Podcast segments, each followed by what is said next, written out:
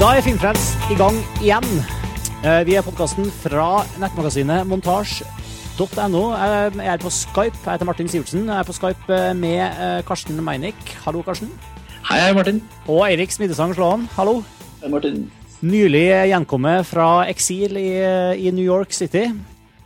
Eh, Back on track. Back on track. Dere kommer jo eh, Vi er, vi jo selvfølgelig en eh, eh, altså jeg, jeg trodde jo liksom vi var der at uh, nå kom liksom alle de store filmlanseringene samtidig over hele verden uh, nå i vår moderne tidsalder, men det er jo fortsatt sånn som det var uh, da på 80-tallet og 90-tallet, at eh, de fleste Hollywood-filmene har en tendens til, å, i hvert fall mange av dem, til å komme før eh, på kino i USA, og spesielt eh, når det er liksom eh, rundt juletider og eh, nærmer seg Oscar-screenersesong og sånne ting. Og eh, det har jo da ført til at mens dere har vært i New York, så har dere fått sett masse, masse film eh, som ikke vi får se før neste år.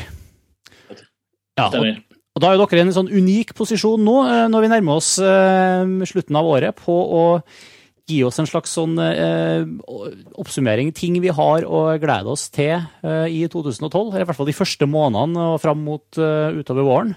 Og ikke glede oss til. Og ikke glede oss til, selvfølgelig. Ikke minst. Jeg føler vi er liksom de teite folka på skolen som har vært på ferie i USA, som kom tilbake og kunne snakke om de.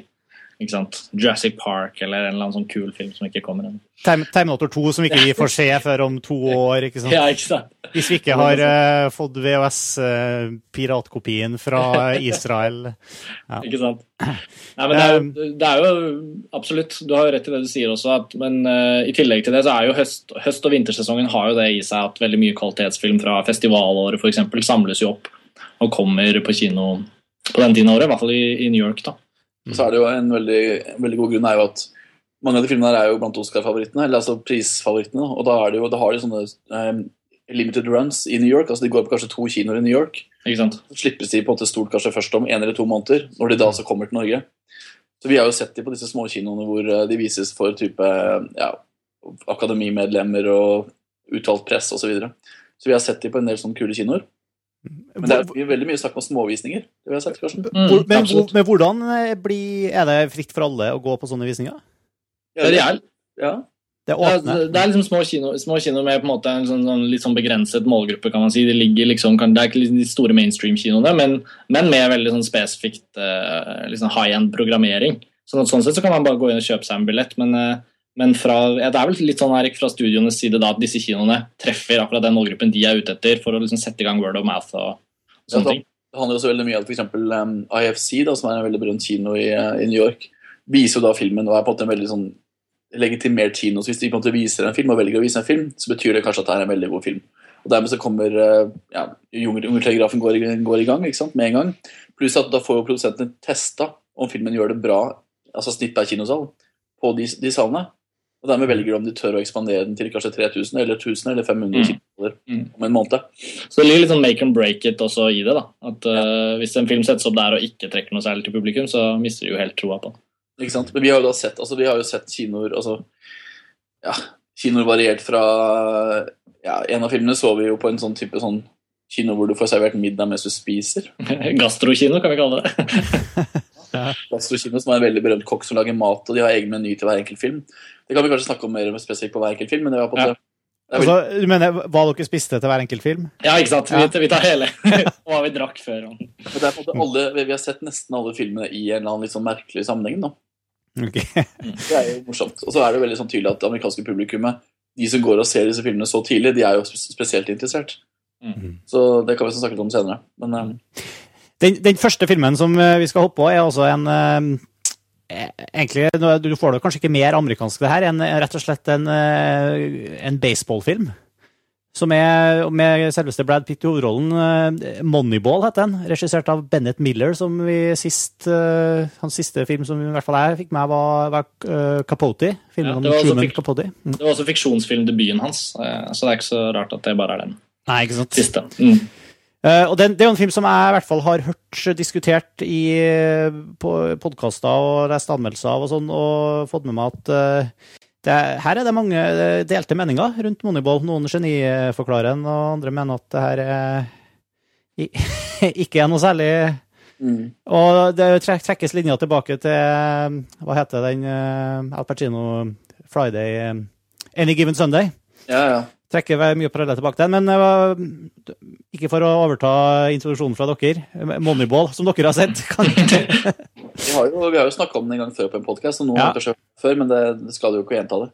Det kommer nye ting etterpå. det, Eh, men- men, men det er i hvert fall den første filmen da, som vi får se veldig tidlig i januar. 6. januar har den premiere i Norge.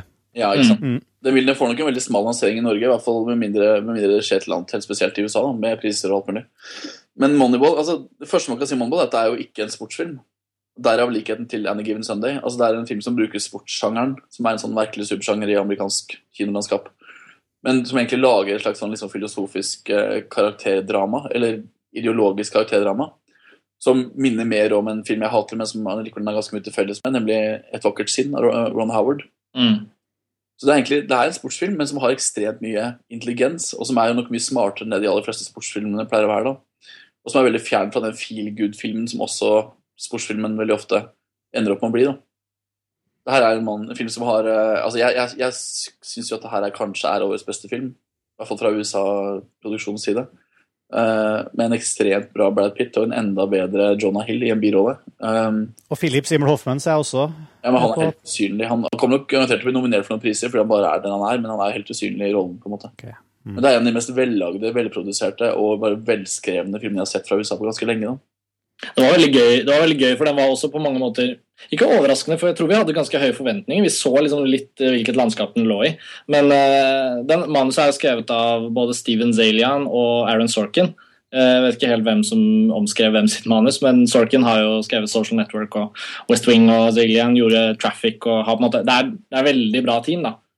Eh, Opprinnelig skulle den regisseres av Steven Soderberg, som hadde noen sånn ville ideer om å bruke dokumentare, dokumentarbilder og, og, og mye tull som på en måte er, er skrellet vekk fra det som er den endelige filmen. Da. Og, og når man ser filmen, så er man utrolig, utrolig glad for det. Um, Og den så, har dokumentarer med den i seg. altså den, han, Bennett Miller har jo beholdt litt av dokumentarer for, for hva heter det, ja, sine tidligere erfaringer med dokumentar. da. mm, Har jo, den, han, filmen klipper jo inn veldig mye materiale fra sportssendinger osv. fra den perioden filmen foregår. Men det er helt sømløst integrert i handlingen. da. Både visuelt og narrativt så funker det helt sånn Ja, du er på en måte helt med, da. Det er jo også et periodedrama. Er det, når er det starten av 90-tallet, Karsten? eh, nei, jeg tror det er starten av 00-tallet. Men det er- 2002 står det her. Mm. Ja, ikke sant? For Det er akkurat sånn at mobi mobiltelefonmodellene og liksom, Det er akkurat den feelingen som sånn det, fjerner det litt fra vår tid.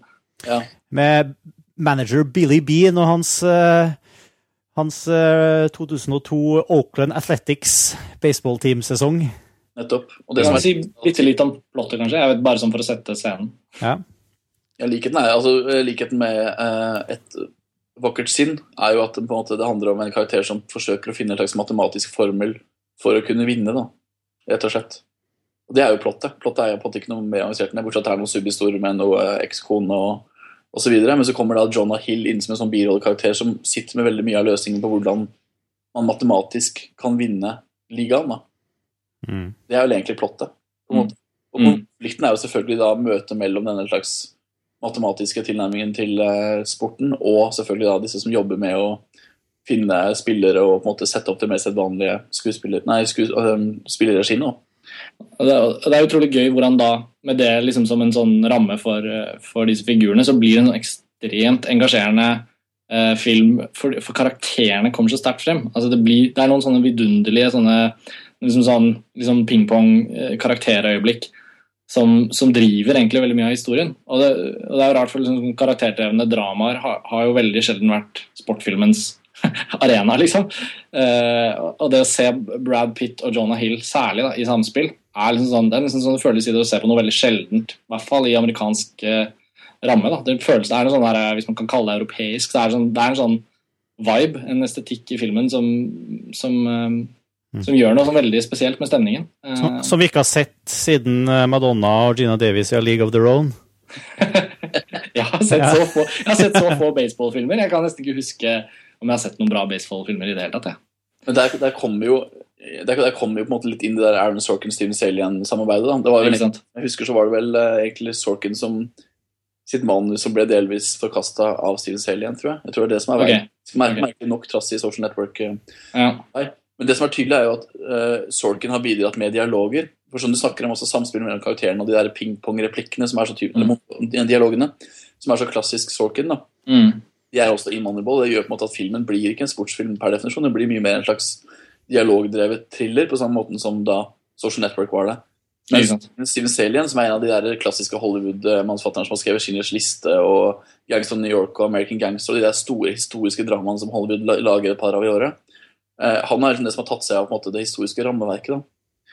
Så virker det som at På en eller annen måte har de funnet en sånn perfekt symbiose mellom det som er det tidsriktige og korrekte i historien, som jo er en klassisk politisk historie, og Sorkins sånn ekstreme karakterreplikkdrevne thriller-greie. da. Det funker veldig veldig bra sammen. Mm. Man blir liksom på kanten av setet uten at det er en sånn type sjangerfilm. Det er liksom aldri sånn at det, det er liksom påtatt spennende fordi det er spennende. Det er selvfølgelig spennende når det er kamper og man, spør, man må spørre seg selv om ting fungerer og sånn, men det er også mer sånn på et tidspunkt så uten at det er noe Nå skal jo ikke vi snakke om filmen så detaljert at vi spoiler noen ting, da. Dette blir, ja, men dette blir litt sånn kortere versjoner siden ingen har sett, eller få har sett filmene. Men, men det fins situasjoner hvor uh, tre, Brad Pitt som, som, en sånn manager og Jonah Hill som, sånn rådgiver må på en måte forholde seg til endringer i laget. Gå og snakke med forskjellige spillere. Og, og, og, og, Det er på en måte ikke sånn spesielt dramatiske situasjoner, men på en eller annen måte så blir filmen veldig, veldig sånn spenningsdrevet inni det. da. Det snakket vi jo litt om etter at vi hadde sett noe, at det, det var merkelig hva som gjorde filmen spennende, var egentlig motsatt av hva kanskje mer sånne sjangertypiske filmer bruker av grep. da. Men det er jo det jeg har lært meg av å se uh, ting som er skrevet av Aaron Sorkin, at uh, han har en uh, unik evne til å la tilsynelatende det man skulle anta er gørrkjedelige ting, og bli fantastisk spennende via ren dialogmagi. liksom. Mm. I, som vi så selvfølgelig i Social Network, men liksom, alle som har sett West Wing, vet jo hvor utrolig tørt premisset for den serien er, og hvor utrolig spennende det likevel er. da. Men akkurat det, og Samme er det i Moneyball. Det er ikke et spesielt spennende premiss, men det blir veldig spennende. Og så er det veldig godt visualisert. da, altså Bennett Miller var jo, eh, var jo et veldig, veldig, det var veldig spennende etter Capote. Selv om kanskje filmen som helhet ikke er sånn, blitt stående som en stor klassiker, så var det både forholdet hvordan han fikk fram karakterene i den filmen, men også hvordan han behandlet det visuelle. og jeg synes det er utviklet enda videre i Moneyball. da. Nå husker jeg ikke navnet på fotografen, men det var veldig fine bilder mm. i filmen også. Det mest vellykka er jo korrigering. Hvordan de har greid det. Det er faktisk Wally Feister. Ja, nettopp. ja. For det mm. snakket vi om etterpå. At det var fotografen fra The Dark Knight. Christopher Nolan sin fotograf. som også har mm. ja. Men det som er morsomt, da, det kan jo være en liten sånn interessant ting med alle de filmene her, at vi tar to sekunder og snakker litt om hvilke forventninger man kan ha til hvordan de kan gjøre det i Oscar-sammenheng og prissammenheng. For det er jo alle de filmene vi har sett, uten unntak som vi skal snakke om nå, er sånne prisfavoritter. da. Mm uten å ha vært vist. Altså, De er favoritter før det helt tatt blir lansert på kino. De blir på en måte favoritter når de lages, da, rett og slett. Ikke sant, Og de involverte. Det her er en film som dessverre har falt litt under radaren de siste månedene i Hollywood. Den fikk veldig mye oppmerksomhet da den kom, og så har den blitt litt borte. Bortsett fra at Brad Pitt har dukka opp som en slags sånn veldig tydelig skuespillerkandidat. Men sånn som Jonah Hill, da, som beste birolle, som er den beste birollen jeg har sett i hele år Jeg har ikke sett den eneste birollen som er nærheten engang av den, det han gjør med den merkelige karakteren. Han figurerer ikke på en eneste sånn liste over favoritter til å stikke av med noen beste mannlige birolle. i det hele tatt. Nei, det er, Man kan liksom få en følelse av at filmen kanskje, eller sånn, Det subtile i hvordan han har løst den rollen, er nesten for smart for Oscar. Ja. Eh, altså, man ser jo at som Christian Bailey, The Fighter, da, altså det blir sånn overtydelig Oscar. Jo, ja, det er det. Et annet poeng er at karakteren uten å spoile slutten, så har ikke karakteren noen særlig avslutning. på en måte. Eh, det er karakterer som ikke har de der store bølgene som for eksempel, da, Christian Bale hadde i The Fighter. Mm. Så Han får ikke demonstrert hele bredden. Han, han, bare gjør en veldig god karakter. Og han gjør ikke en karakter som har ekstremt mye drama i seg. på en måte. Men det, det er fordi at han liksom fortsatt er på en måte forbundet med, med Superbad, Jonah Hill, ja, det, den uh, komikerkaren, liksom. At, uh, han burde jo vært Globe-nominert for alle de filmene her for beste komedie. Han er jo en fenomenal skuespiller. Ja. Men altså, det kommer nok til å stikke av med nominasjoner for manus, og, og kan godt hende at den blir blant de fem til ti nominerte på beste film. Ja, det er mulig. Beste adapterte manus og beste film og og beste mannlige hovedrolle. Kanskje også beste klipp, altså, for den er utrolig fint satt sammen. Uh, ja, ja. Det er vel egentlig det eneste du kommer til å få nå, med mindre det kommer en eller annen kjempekampanje som bare pusher den fram. Ja, ikke sant. Men det blir jo spennende å se også i forhold til bare Norge da, og, og lytterne våre og publikum her hjemme. Det, det, er virkelig en film hvor man må, man må virkelig huske at den ikke er en, en sånn kli, klisjé amerikansk sportsfilm. For den kan jo falle litt for det, at folk ikke kanskje går og ser den fordi de tenker baseball, liksom. Hvem bryr seg? Når det er så mye mer i den, da. Sportsfilmen er jo en kjempesjanger i USA. Det er en liten sjanger i, i Norge, og egentlig i Europa også. Mm. Så den vil ikke få noen særlig lansering i Europa, tror jeg. da, Med mindre den får de nominasjonene som vi håper på. Ja. Og så er det litt det med Brad Pitt, som på en måte er en av de få gjenstående Brad Pitt selger fortsatt billetter. Det fikk jeg smertelig erfare da på Tree of Life-visning. Da flere hadde gått inn i salen bare for dem så Brad Pitt på plakaten, og ble lidderlig skuffa. Ikke sant. ok, eh, vi går videre til, til neste film, som også er Jeg innbiller meg veldig i det her prissjiktet, Oscar-kandidatområdet. Og nå er det jo en gammel ringrev, Clint Eastwood, som uh, spytter ut eh, minst en film i året, har jeg inntrykk av. Er det kanskje flere? Og han har uh, han har eh, Leonardo DiCaprio i hovedrollen som J. Edgar Hoover, FBI, den store FBI-faren. Mm. The, the, father of FBI. ja. um, og flere Naomi Watts, og Judy Dench og flere navn på, på lista her. Um, og Army Hammer fra Social Network, som spilte Army Hammer, ja. Mm. Network. Mm. Som spilte Tvillingene. Ja, nettopp. Spilte begge rollene. Jeg spilte begge, um, ja, Clint Eastwood uh, har jo Han spyr jo ut film, som ja, du sa. Men nå er det en bio, en biopic, biografisk. Uh, ja, Han gjorde jo det med Invictus òg, da, da han Ja. lagde dette Mandela-portrettet. Den, den fikk jeg så dårlige vibber av at jeg aldri endte opp med å se den. Og jeg må innrømme også at Clint Eastwood som regissør er, eh, er, er sjelden en, lager sjelden filmer som jeg er veldig opptatt av. Jeg ender Han- opp med at jeg ikke syns så veldig mye om han virker også høyst ujevn. Ja. Ja. Nå har jo vibbene fra, som jeg har fått med meg på nettet fra J. Edgar, vært veldig lunken. Altså, for, forventningene våre Erik, var jo litt sånn De gikk jo litt opp og ned rett før vi endte opp med å se den. Det var jo, det er jo en del det var en del ganske positive buzz også. Vi var veldig tydelige for oss i USA at eh, de jobba desperat for å promotere de få veldig positive anmeldelsene i forkant av visningen. Mm. Det var veldig mange negative, og de som var negative, var veldig stygge. Altså, De var virkelig, de hata filmen. da. Men det som var attraksjonen, var jo at det er Dustin Lance Black som har skrevet manuset. Han som skrev Milk, og fikk Oscar for Milk av Gus Van Sant.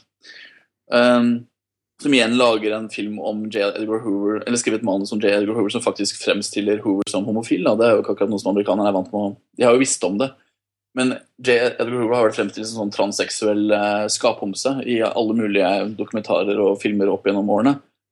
Eh, mens her er det en film som faktisk på et eller annet vis forsøker å vise at han egentlig var verken transseksuell eller transvestitt, eller hva det kalles. Og han var egentlig bare en mann som rett og slett var livredd for å bli oppdaga som homofil. Da. Så det er ett plottpoeng i filmen som gjør at jeg var interessert i filmen, fordi den jo skal vise en ny side av en av USAs viktigste personligheter de siste 100 årene. Og Army Hammer, som jeg syns er en potensielt ganske fremragende skuespiller, i hvert fall i Social Network og, og sånn, spiller en stor birolle, og Naomi Watts. Så det var jo en del attraksjoner med filmen. Og så var det det som han var veldig utrygg på, som er Leonardo DiCaprio i rollen som nok en sånn, eller sånn biografisk figur. da. Han gjorde jo denne The, The Aviator for uh, Scorsese, og han, han har jo på en måte Vi snakket litt om det, Eirik trakk fram dette med hans mimikk og hans liksom skuespillerstil som føles veldig sånn repetitiv, og, eh, eh, gjennom flere filmer. Sånn at, og Clint Eastwood som en sånn såpass ujevn regissør, så det, det lå litt sånn og vaket der, litt sånn mellom, mellom spent og litt forventningsfull da, da vi gikk og sånn. Vi viste jo traileren på kino en måned før vi endelig fikk sett den. Ja, og vi så den traileren sånn syv ganger, så begynte å bli litt lei av det. Jeg, hadde, altså jeg, er, jeg er virkelig ikke Leonardo DiCaprio-fan. Jeg synes Leonardo DiCaprio er kanskje noe av det verste som finnes av Hollywood-skuespillere. Han er så desperat og ansikt til skuespiller at å, altså, det finnes ikke hint av subtilitet. Og når han da attpåtil i traileren tydelig har fått på seg en slags sånn sminkejobb som ser ut som bare er gjort av liksom mamma, da, så er det bare helt sånn Jeg hadde ekstremt lave forventninger til filmen, eh, og det eneste som gjorde at jeg var interessert, var nettopp den tematikken da, og manuset. Det morsomme var at filmen viste seg å være enda dårligere enn det jeg trodde den skulle være. Ja, det var ganske krise. Det er kanskje årets dårligste film. Det er, det er en kalkun på et sånt nivå at det er sjelden at Hollywood har produsert en så tydelig kalkun. da. Den er selvhøytidelig, den er pretensiøs. DiCaprio gjør sin verste rolle siden, eh, ja, siden starten av karrieren sin. på en måte. Og den er overprodusert i det visuelle, og den er, slett bare, den er, den er stygg. Den er vond, og den den, folk lo i salen når vi så på den. Ja, det var ganske, det var ganske ille. Vi, vi var der på, på, Den hadde premiere på en onsdag, så vi var der liksom første kvelden. Uh, og Det var jo ikke fullt, men det var jo ganske mye folk der. Og det, jeg tror amerikanerne er liksom, de har, Det er noe med Clint Eastwood, det er noe med Leonardo DiCaprio. De har noen sånne figurer som de på en måte er, det var en viss sånn oppslutningsfeeling, men det brøt på en måte helt over gjennom visningen. da, Og merket hvordan stemningen bare gikk i oppløsning, og, og latteranfallene når, når sånne altså det, var, det, er, det er På visse tidspunkter i filmen så dukker det opp andre kjente figurer som ikke er store roller i selve den historien, men som dukker opp sånn Robert Kennedy og, eh, og et par andre eksempler. Som da er liksom castet og spilt med det ramme alvor, men på så komisk og karikert vis at amerikanerne, som selvfølgelig har kjempetett forhold til de figurene, og bryter ut i latter. ikke sant, og hele, stemning, hele stemningen i filmen bare gikk i oppløsning, rett og slett. Ja, det var filmens skyld. Publikum var fokusert. Og det er en film hvor Eastwood nesten desperat, altså mye mer desperat enn han gjorde i den der eh, andre forferdelige filmen sin, den der Sean Penn-filmen. Hva heter den? Den der, Uh, Mystic River. Ja. Altså, det her er enda mer selvhøytidelig da, enn Mystic River var. Det er enda mer sånn Nå skal virkelig Eastwood vise at han kan lage et seriøst svart drama. Her skal det ikke være noe liksom, samvittighet, her skal det ikke være noe empati. Det skal bare være pur faen, liksom. Og det går ikke, fordi Clint Eastwood kan, altså, han, han kan, gjøre, han kan gjøre det som skuespiller, men det regissør så blir det karikert. Han, han er veldig god til å spille de rollene, han kan ikke gjøre det bak kamera. Han, han får det ikke til. Altså, filmen mangler liksom, og på alle planer mangler den på en måte nyansert regi. da. For manuset har lagt opp til en sånn parallellfortelling hvor man på en måte hopper mellom en eldre Hoover som gjenforteller sin historie i FBI til, til unge måte, agenter eller folk som skal bidra til en slags bok om FBI, kan det virke som. da. Samtidig som man møter han som en ung, eh, ung liksom lovende Ja, han jobber liksom i Jusdepartementet, eller er med å utvikle FBI, da. Og det, og det, ja, av, sminke og på grunn av overdrevne virkemidler hele tiden, da, fra sminke til musikk til, liksom, til fototing, så blir denne hoppingen frem og tilbake i fortellingen uh, at man mister, mister scenen, scene, så blir det så blir det, ja, så blir det dårlig igjen veldig fort. da. Og så er det jo selvfølgelig, altså de, de har jo sminka DiCaprio gammel, men de har også sminka Army Hammer, så han spiller denne ja, Hva var han da? En slags hemmelig eh, partneren til eh, Hoover um, i mange år. da. Han er altså, altså Army Hammer, som er en skuespiller som har et ansikt som kan gjøre ganske mye, tross at han ser ut som en barbiedokke, men han har et ganske merkelig mimikk. da. Er sminka så du ikke ser Army Hammer bak sminken. Og når da folk for det første ler av at oi, det er to menn som skal oi, shit, det er to menn som skal ha seg, det er jo finnes jo fortsatt folk som ler av det en kinosal. Og de skal sminkes til ugjenkjennelige, på en måte, og de skal overspilles. Da blir det, bare, da blir det helt forferdelig. Og så er det musikken til Clint Eastwood under der igjen. Ja, Som høres ut som en slags blanding av uh, uh, Gotham Project og et eller annet sånn veldig altså Det er helt, det er så bom, da. Det er så kjipt, Ja. liksom. Det er, det er musak. Til dels briljant foto, det skal vi si. Og Ja. så briljant foto at det overskygger fullstendig historien. Det er det verste med hele filmen. Altså den, den er så visuelt til stede noen steder i fotoarbeid at det bare du glemmer filmen for at du ser, sitter bare og ser på hvordan denne hva heter den fotografen, Tom Stern Tom, Tom Stern. har lyssatt noen rom på altså mest fantastiske vis. da. Men det hjelper jo ikke det når resten av filmen bare er helt krise. Eh, men, men Naomi Watts eh, er da den delen av casten som kanskje har fått den mest sånn nyanserte på en måte både sminkejobben og litt sånn dramatisk funksjon. Hun har, hun har en sånn mellomfunksjon i fortellingen som gjør at mange av hennes scener med Leonardo DiCaprio er blant de bedre. Uh, så det, er, det, det, det hjelper jo på en måte ikke filmen i det hele tatt, men det er verdt å nevne at ujevnheten også handler om at det plutselig liksom kommer scener som, som har en helt annen stil fordi de kanskje fungerer bedre og er mer nedtonet. da. Og, Så, ja. men i forhold til priser, da, så er det jo altså DiCaprio er jo eh, helt selvsikker Oscar-kandidat. på en måte. Det er vel også kanskje hans sikreste Oscar-pris på veldig mange år. Eh, dette er jo den typen roller som Hollywood elsker å gi han pris for, eller skal nominere han for. De Mm. har nominert er det ikke tre ganger nå, fire ganger nå, og det har vært sånn. Jo. Eh, Og, Han greide til og med å bli nominert for The Aviator, som var en like forferdelig prestasjon. ja, han, var- han var nominert for Titanic, var han ikke det? Jeg bare husker Jo, ikke Jo, sånn der eh, Basketball Diaries Nei, Ja. men What's Eating Gilbert Grape. Ja, nettopp, ja. Mm. Men altså, her, altså, den rollen her Hvis du ser på plakaten her på filmen, så holder det. Når du ser det der inni mitt ansikte. Ja. Det, er, det er så tydelig å se at DiCaprio han, han har egentlig aldri lært seg så veldig mye hva skuespill handler om. Så han har både funnet på noen metoder. da. Liksom, hvis han ser litt urytmisk til høyre, så føler han kanskje at det tilfører en viss nerve i skuespillet. Og det gjør han hele tiden. I alle sånne scener som er sånn kliniske scener, så legger han inn en sånn dimensjon som på skal gjøre at det blir litt sånn der edge i skuespillet hans. Men det er så gjennomsiktig da, hva han gjør. altså Hele hans tekniske apparat er så begrensa og så lett å se at det bare Jeg satt egentlig bare og, og var liksom sånn her flau på hans vegne, fordi han, han kler seg av som en ama- amatørskuespiller. Og det er veldig veldig synd. Samtidig så er det den typen roller som Oscar-akademiet bare virkelig setter pris på. da. Mm. Og så Clint Eastwood, han, han, de elsker jo han jo. Ja, Så han kan ikke få en nominasjon for beste regi for den filmen her, det er nesten umulig. Men, uh, men filmen i seg selv kommer jo til å fortsette å ha en viss oppmerksomhet, bare rett og slett pga. respekten jeg tror de har for Clint Eastwood. Og så er det jo erkeamerikansk. Eastwood og eh, Edgar Hoover og Men men, altså, hvordan vil det her gå i Norge? Vi har, jeg vet, dere som sitter på kinobesøkstallene og gransker dem, liksom, men har vi tradisjon for å gå mann av huset for å se biopics som uh, amerikanske politiske personligheter?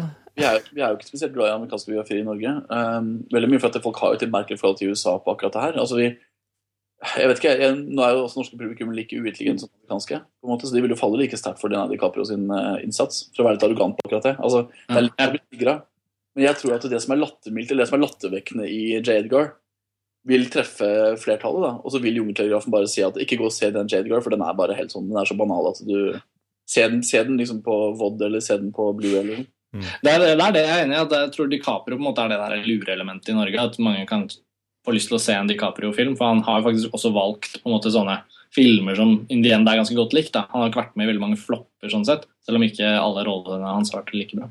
Men, uh, men, det er også dette der at den kan se litt ut som den er en sånn politisk thriller, som er en sjanger som mange er glad i. Og så er den jo ikke det i det hele tatt.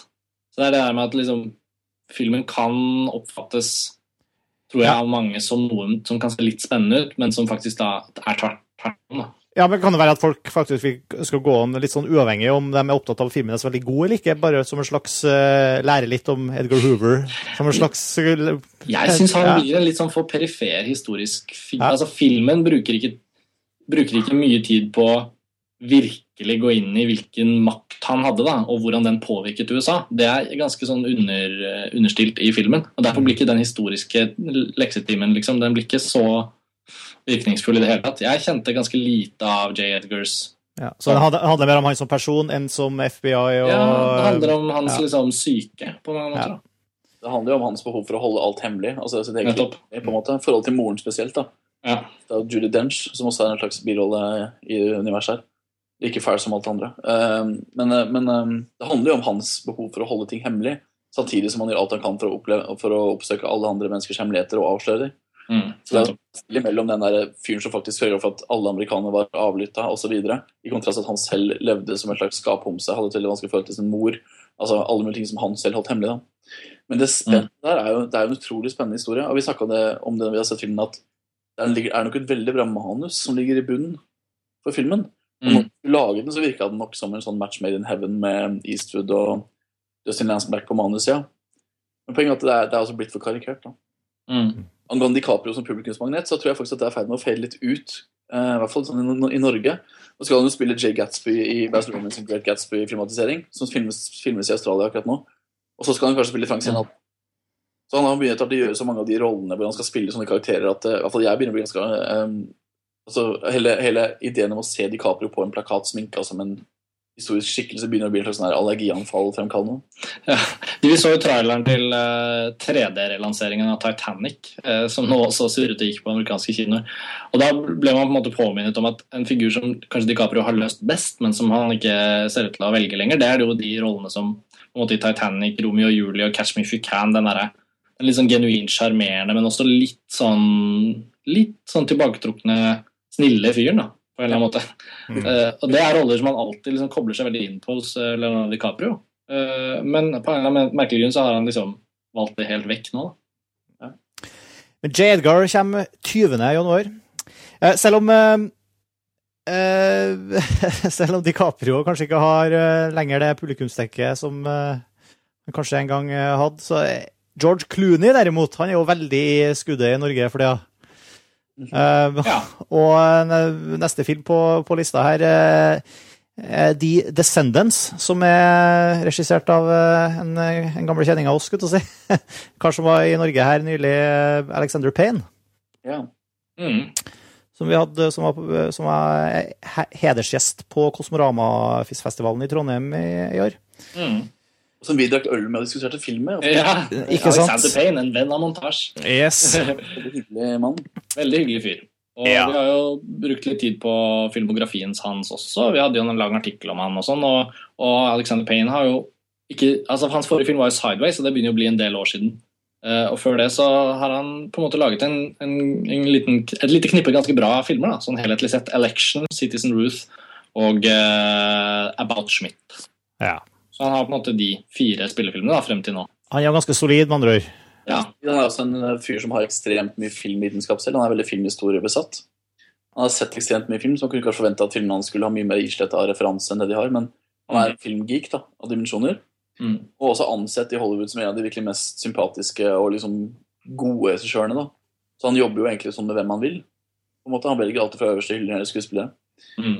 Får jo også da, Han er kjent for at vi får uh, skuespilleren til å gjøre liksom det han vil. da, Om det så er Jack Nicholson som på en måte ser gammel ut i Bad Schmidt, eller når George Clooney som litt sånn middelaldrende mann med mage. på en måte. Mm. Så han er ganske spennende regissør fordi han har ganske mye makt i forhold til skuespillerne. da. Han kan gjøre ganske mye av det han vil. Mm. Men, men, hva slags film er det han har lagd nå, da? Altså, jeg vet ikke så veldig mye om den filmen her, eh, The Descendants. Jeg leser på IMDb at det handler om en A land baron tries to reconnect with his two daughters after his wife suffers a boating accident. Her lukter, her lukter det høyt drama. Ja, altså... Plottet er sånn. Kona på sykehuset, mann må ta seg av barna, kjenner ikke barna, og dramaet starter. Det er plottet. Ja, um, og han har hatt ganske lavt budsjett på sine tidligere filmer. Det samme gjelder jo her. så Man kan liksom føle at filmen har den der, Det er ikke en sånn veldig sånn studiofilm. Det er helt åpenbart at de har vært på Hawaii og filmet der hvor filmen foregår. Den har den der veldig sånn genuine nedpå-feelingen som alle hans filmer har. da. Mm. Og, men den, det, er det, den ser betydelig mer uh, Den har fått betydelig vennligere mottakelse enn J. Edgar. Ja, det er jo en bedre film enn J. Edgar. Ja. Vi kan jo starte der. Bare for å sette den i mm. Hva sa du, Erik? Jeg hørte ikke. Det var lavt. Uten tvil en av de mest positivt anmeldte filmene i USA i høst. Ikke sant? Mm. Uh, kritikerne har til dels vært veldig over seg. Det må, jeg må innrømme at Vi, vi snakka om det i forkant før vi så den, at hvis det er én ting man er veldig litt sånn, uh, litt sånn nervøs på i forhold til amerikanske kritikere, så er det at de pleier å elske sånne filmer som har litt sånn arthouse-sensibilitet, altså litt sånn europeisk sensibilitet, men pakka inn i en amerikansk kontekst. Det er noe som kritikerne i USA ofte elsker. da. Ja, er jo 90% på Rotten Tomatoes. Ja, det er en klassisk sånn film som er, minner, minner, veldig om en europeisk film av den varianten som amerikanerne tror vi lager i Europa, men med et veldig tydelig amerikansk plott. da. Mm. Og da vi, eh, den, den, den, var en sånn typisk film som fikk en litt sånn platform-release som vi snakket om i begynnelsen av podkasten. Den, den, har spilt på noen festivaler i høst, og så hadde den premiere på noen utvalgte kinoer før den liksom utvidet sånn sakte, men sikkert. da. Nå har den jo slått veldig an, sånn som jeg kan forstå det i USA, men, eh, men vi hadde en kino i nabolaget vårt som da var en veldig kul eh, kino med på en måte egendesignede menyer til, eh, til hver film. Og på en måte en veldig sånn presis, spesifikk programmering. Så da vi gikk og så The Descendant, så gikk vi på denne kinoen. og jeg spiste sånn pulled pork sandwich med, med ananas, litt sånn Hawaii-style. Og, og, og, det var en veldig, det var veldig gode visningsforhold gode seter. og det var liksom sånn der, Programmeringen var sånn Var det ikke denne Marilyn Monroe-filmen også, Erik, som gikk der? og så jo, og så så vi jo årets nest største film, Rum Diary. Ja, ja, Rum Diary. Den skal vi ikke snakke om nå. Den går på Da var det selvfølgelig romdrinker som var på menyen. Så det er veldig morsomt. Det er sånne ting som ikke finnes i Norge, da. Altså kinoer som på en måte tør å gå inn og virkelig kontekstualisere opplevelsen fullstendig. Så ikke, det, lå, det lå godt til rette. Det var veldig gode rammer for at de skulle like The Descendants. Eh, Verken Karsten eller jeg var så veldig fan av Sideways, det må vi si først. Ikke sant? Hovedsakelig fordi vi følte at det var en film som på en måte handla om veldig lite, men som på en måte ble påstått at handle veldig mye, kanskje. Ja, altså, og den hadde jo dette litt sånn oversymbolske den, den, hadde også hatt godt av å, å Den har liksom noe av det som kan gjøre, gjøre en god film, men som også har liksom altfor lite tiltro til at publikum ser ting selv. da. Den var litt overtydelig. Og... Men så var den heldigvis ganske morsom i tillegg. Jo da, den hadde jo noen karakterer som var veldig vanskelig å ikke like. Og da var det jo, oppsto mye humor der. Som alltid bra spilt, som alle filmene til Alexander Payne er. Eh, ikke sant. Men uh, The Descendants altså, uh, vi, vi, vi, er, vi er veldig enige om den filmen. Uh, det er jo ikke en spesielt kjempebra film. Nei. En helt ok film, på en måte. Det er en litt sånn kjip, grei underholdningsfilm, på en måte. Og som dessverre heves opp til å bli mye mer enn det den egentlig er. da. Igjen tilbake til Sideways. Og litt tilbake til altså, amerikanske kritikeres evne til liksom, som du snakket om i sted, Det der med at man omfavner så veldig det som kan se ut til å være litt bra, men som også veldig trygt. Så det blir sånn hverdagslig historie fortalt på en sånn ordinær måte. Og da sitter man Veldig ordinær måte, og det er jo kjipt ja. filmen. Altså, igjen, da, Alexander Payne som er en så stor Han er jo en slags filmhistoriker og kan så mye om film, på en måte, men han, han har jo det mest tafatte visuelle uttrykket jeg kan tenke meg av noen filmskapere i dag. da. I hvert fall de som er veldig sånn etablert og som er sånne veldig anerkjente i USA. Han har ikke noen visuell stil annet enn at kameraet skal bare være det det er. altså og Det er ikke fordi at det er dokumentært, det handler ikke om det. Det handler om at det er veldig plain. Det er veldig A4 mm. uten særpreg. Man får så veldig følelse av at han ikke tør at han ikke tør å ha en stemme som liksom forteller historien, både visuelt og liksom også i forhold til tematikken. At eh, noen scener som kan være veldig dramatiske, blir liksom oppløst av en, en liten humoristisk gjest eller en liten sånn liksom, Så tar vi alvoret litt ned, så det ikke blir for ille. Feig filmskaper, på en måte. Ja. Han mangler litt guts. Ja, og, og hvis man ser på Election, da, som er min favorittfilm av hans, så er det jo den filmen som har mest guts. Det er den som er en, den er en satire, men den har ja, Citizen Ruth også, da, de to. Men Election er liksom den som er mest perfekt. Eh, den har det der spisse hele tiden, men alltid et veldig varmt en veldig varm skildring av karakterene. Så man faller liksom aldri ut, og man er alltid med på hva som skjer med dem, selv om de gjør ganske mye drøye ting. I The Descent, ja, i The Descent så blir det jo liksom bare sånn Det blir som sånn lykkepille. Det er kappa av toppene og kappa av bunnene. Så den er liksom ikke dårlig heller, men den er bare sånn ja, skuldertrekk. Men vi, vi, diskuterte jo faktisk med jeg, snakket, jeg, jeg, spurte jo Alexander Payne hvordan han kan være så filminteressert og ha så lite visuelt uttrykk. da. Jeg spurte han jo i, på Kosmorama. Mm. Og vi satt der, han jo faktisk, Jeg spurte han ganske sånn direkte, for jeg sa at jeg var, veldig, jeg var, jeg var alltid veldig skuffa over den visuelle dimensjonen i filmene hans. Og så sa han det at for han så handla det bare om å fortelle en god historie og ha gode skuespillere. Men, mm. Og det, Jeg orka liksom ikke å sitte og krangle med han om, om det. Det var ikke min, min, min, jobb å gjøre det med han. på en måte, føler jeg. Eller at ikke, jeg turte ikke heller. Men faktum er jo at i det sendes, altså, blir det veldig avkledd, fordi historien er ganske enkel. Da. Altså Det visuelle uttrykket, eller fraværet av det visuelle uttrykket, hadde ikke vært i veien for noe, for det er ikke noe å være veien for. For det er en ekstremt uh, enkel, ganske tabloid historie. Mm. Uh, som dessverre også er liksom overkompensert med veldig mye dårlig musikk. Veldig dårlig skrevet musikk, og veldig dårlig musikk ellers også. Mm. Så filmen har egentlig, For meg så har egentlig filmen bare to ting. og Det ene er at George Clooney er en god skuespiller, han er en sympatisk kar, og han gjør ærlige, solide roller. på en måte. Og Derfor så er det lett å like han. Og det skal han ha kred for. Han er en av de mer sånn solide skuespillerne i Hollywood som jobber i dag. Og fortjener det fokuset han får. Men datteren hans spilles av Charlene Woodley.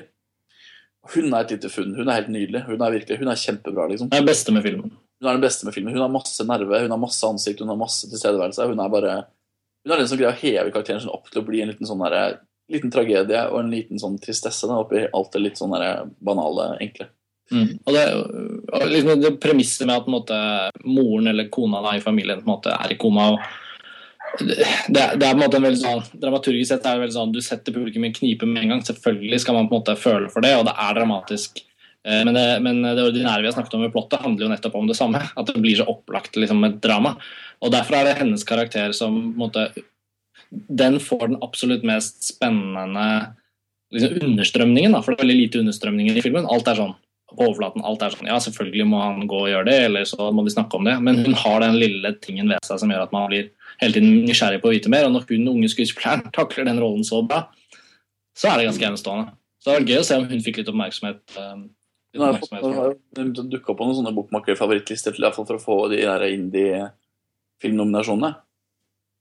Hun var vel nominert til Gotham, Gotham Awards, var hun ikke? Ja, jeg tror det. Det var en eller annen, ja, en eller annen av de som hun ble nominert for. Ja, hun, er veldig, hun, er veldig, bra i rollen. Hun er, liksom, hun, er, hun er veldig pen, så hun passer veldig godt inn i en sånn at hun kan bli Hollywood-stjerne. Men samtidig har hun jævlig mye skarphet. Hun er ganske sånn stygg pen. Mm, hun minner litt om en Jenna Malone på en eller annen måte. Ja, bortsett fra Malone var jo aldri særlig spent. Nei, hun er mye penere enn Jenny Malone. ja. Det, faktisk, det, tror jeg faktisk er nesten alt som er å si om The Descendants. Bortsett fra at den kommer til å bli nominert til beste film, den kommer til å bli nominert til beste manus, den kommer til å vinne beste manus, og den kommer til å nominere til beste regi. Og så kommer, kommer til å nomineres, osv. Og så kommer det til å gå på TV om to år, og så switcher man innom, og så ser det ut som en hvilken som helst TV-serie, og så switcher man videre. Ja, nettopp. Så det er egentlig det.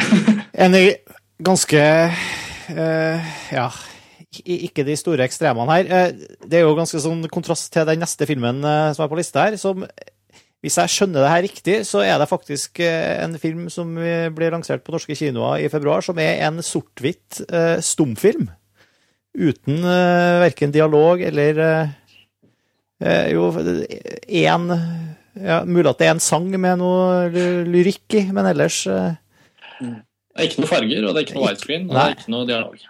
En, The Artist.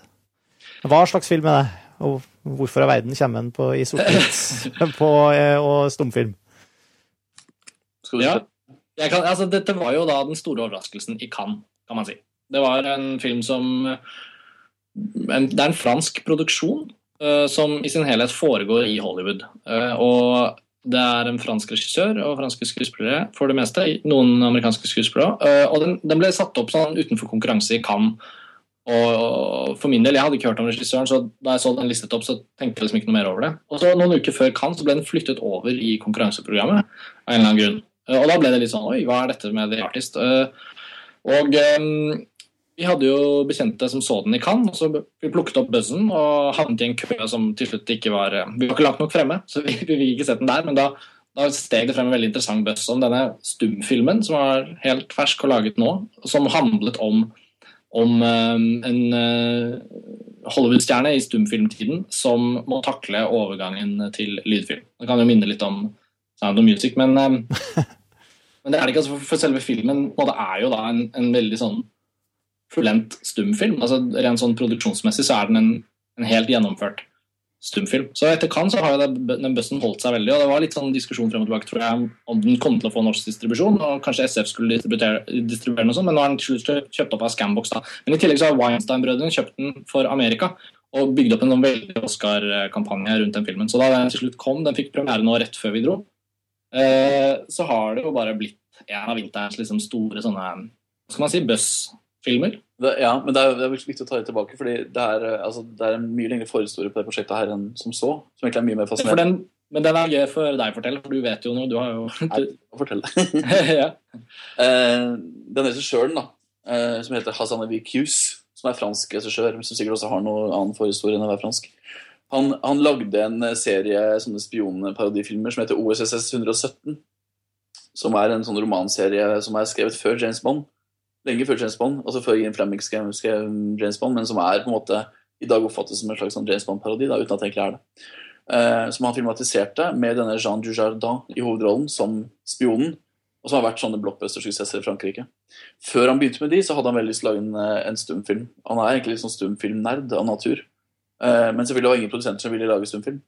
Men når han da hadde laget tre sånne blockbustere med denne skuespilleren, så trodde kanskje folk at nå kunne han kanskje få penger til å lage en stumfilm. og og det endte han opp med å få lov til. Så han, eh, Egentlig så er det et ganske gammelt prosjekt som han har jobba veldig lenge med med den samme hovedrollen.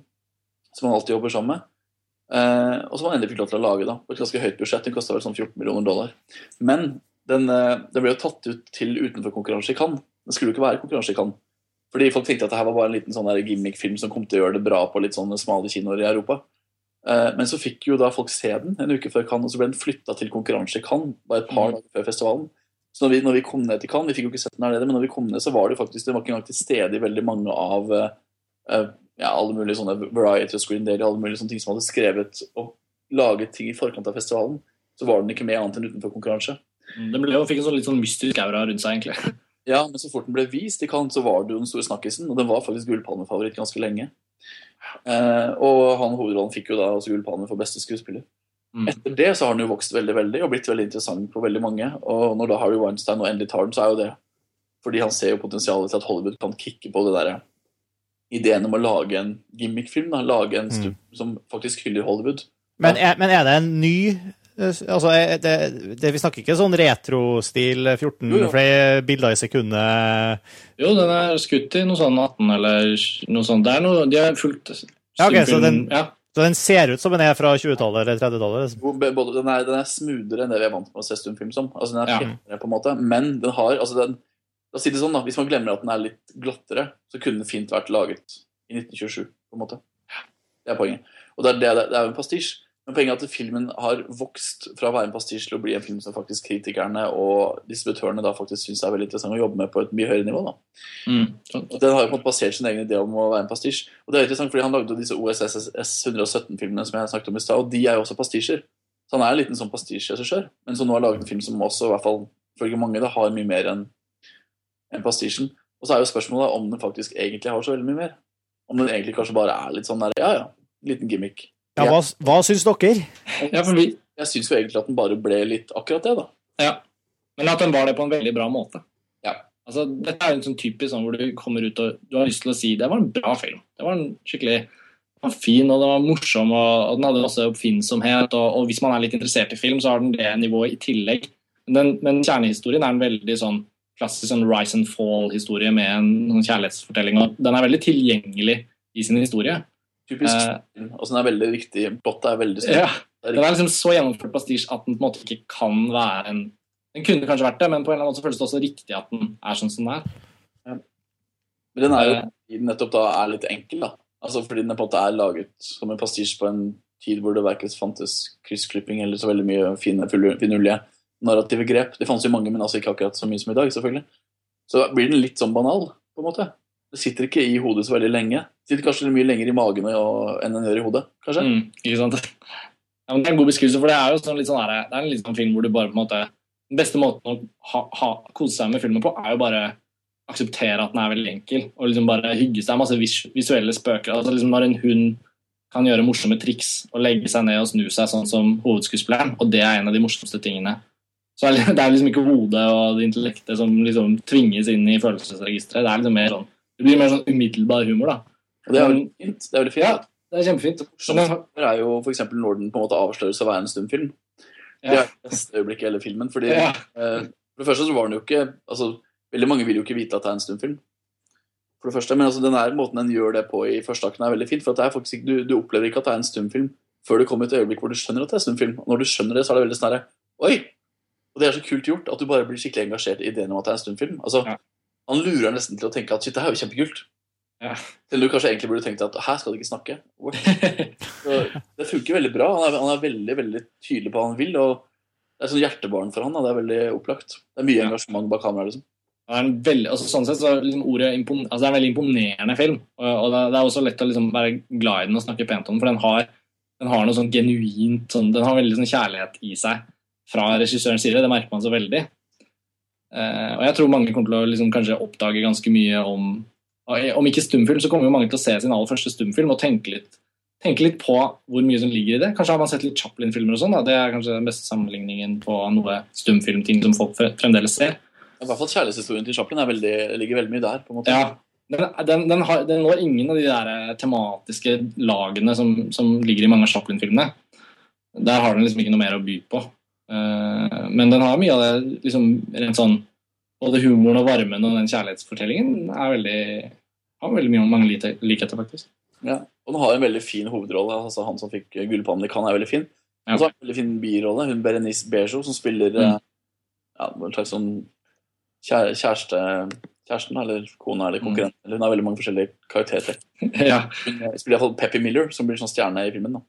Hun er veldig fin, og så er den en helt soleklar eh, favoritt til å vinne både beste foto og beste musikk i eh, Oscarsammenheng. Det er sånn klassisk sånn Altså Guillaume Schiffmann, som, har, som er foto, har jo nå etter hvert skutt ganske mange av de store siste franske store produksjonene, bl.a. den Gainsbourg-filmen. Ah, ja, ok. Det er den samme. Og den har, har eksepsjonelt bra foto. altså Den har noen sånne komposisjoner som er sånn Bortenfor stumfilmuniverset så er de bare helt De er så fine og billedskjønne. Og så er det ganske mye ganske kul, teknisk avansert lyssetting som er gjort. da. Og det, jeg tror de har brukt en del gamle rigger, og det virker som at det er ganske sånn gammeldags gjort. da. Så um, For Hollywood på en måte så er det sånn der, de vil jo selvfølgelig oppleve det her som en slags sånn skikkelig hyllest til noe som Hollywood sto for for lenge, lenge, lenge siden. I fransk regi, og det, jeg tror det kan falle i smak. Ja. Veldig, Du nevnte jo musikken så vidt. altså Ved å være en stumfilm så er den jo drevet vanvittig altså Det er viktig drivkraft i, i musikken, og at, også at den ikke blir for overdreven, men at musikken får lov å liksom ha den der veldig sånn fine balanseringen frem og tilbake mellom hvilke følelser den skal liksom hente ut, og, og både i forhold til spenning, romantikk og humor og sånn. Så musikken må måtte bli Oscar-nominert, Uh, og den er kanskje Ved siden av kanskje Howard Shore, da, så er den nok en av de store favorittene. Det er veldig morsomt, for det er jo, og komponisten er jo ikke så veldig berømt akkurat. Altså Ludovic Bors heter han. Og det, han, eh, han, er jo ikke, han er jo ikke noen kjent komponist, og han gjør egentlig heller ikke en særlig filmmusikk. Han har gjort de tre spionfilmene uh, for, uh, for regissøren før, og så har han gjort masse Mm. kort. Og han er liksom, men altså, morsomt at her er han jo faktisk han virker ekstremt intelligent som komponist, fordi han har jo virkelig han har skjønt han har skjønt sjangeren så utrolig godt. da. Uten, Mm. sa, uten at det er overdrevet, og du føler at det blir påklistra. Stumfilm er jo selvfølgelig ofte veldig sånn melodiøst, og du på en måte sitter jo på pålegges følelser hele tiden i stumfilmen, på en måte, i musikken. Men her er det på en måte ikke akkurat sånn. Her er det også veldig mye gjort i andre, altså i skuespill osv. Um, så jeg vet ikke, jeg tror også at det her er det kanskje de sikreste Oscar-kandidatene Mm. på musikk. Det kan også fort ende opp med å få både en hovedrolle- og birollenominasjon. Fordi det, det er jo veldig sånn kult gestalta. Det er veldig sånn, De får til den der stumfilmsjargongen i skuespillet. da. For Det er en sånn typisk film som nå er veldig avhengig av liksom hvordan, hvordan den, de ukene som kommer nå i forhold til sånn Oscar-racet som et sånn fenomen i seg selv, så kan liksom, hvis The Artist nå får, får et publikum på disse små salene den spiller på nå i New York og Los Angeles, kanskje et par andre byer Hvis den liksom klarer å gå forbi filminteresserte og liksom en, en kjernemålgruppe og faktisk bli en film som folk får lyst til å se, vanlige folk hvis den kommer liksom forbi den kanten, og Weinstein-brødrene virkelig jobber med den, som de tydeligvis har satt i gang Kanskje jeg kan surfe på kickbacket for, Ja. folk, for, for, for folk som er lei av 3D-film. Nå, nå er det stumfilm. Nå er vi lei av det ja, Det 3D-maset. er liksom ekstremene i, hver sin, eh, i hver sin ende. Det er en bra film, men det er ingen uh, knallgod film. liksom. Men det er bra. Den kommer i februar. Uh, en film som også kommer i februar, som eh, jeg føler på meg kanskje egentlig burde ha kommet i mars. Uh, The Ides of March. Som Ja. også i prinsippet skulle sett for meg burde hatt premiere 15. mars, men den har også premiere 17. februar. Den er regissert av, eh, av eh, George Clooney igjen, som eh, også spiller hovedrollen, ved siden Ja. av Ryan Gosling. Ryan Gosling spiller hovedrollen, og Ja. George Clooney spiller en viktig birolle. Men, men den har heldigvis fått en norsk tittel, så dette med Mars er ikke så viktig. Ma- Marsens menn. Nei, Maktens menn heter den. Maktens menn. Maktens sånn. menn. Mm. Og da er vi tilbake i, eh, i eh, politikken igjen, faktisk. Her er med Philip Simmel Hoffman Paul Giamatti, Marissa Tomei. Uh, hva slags film er det her? Uh, politisk drama? Med George Clooney er han tilbake i Han er jo veldig politisk når han lager film. Ja, Han lagde jo den Good Night and Good Luck, Mm. som uh, på en måte var et slags Det var jo også et politisk drama på mange måter, som det foregikk i nyhets... liksom i, i TV-nyhetenes verden på 50-tallet. Men eh, ja, det er jo litt politisk drama her. Eller kanskje litt thriller òg.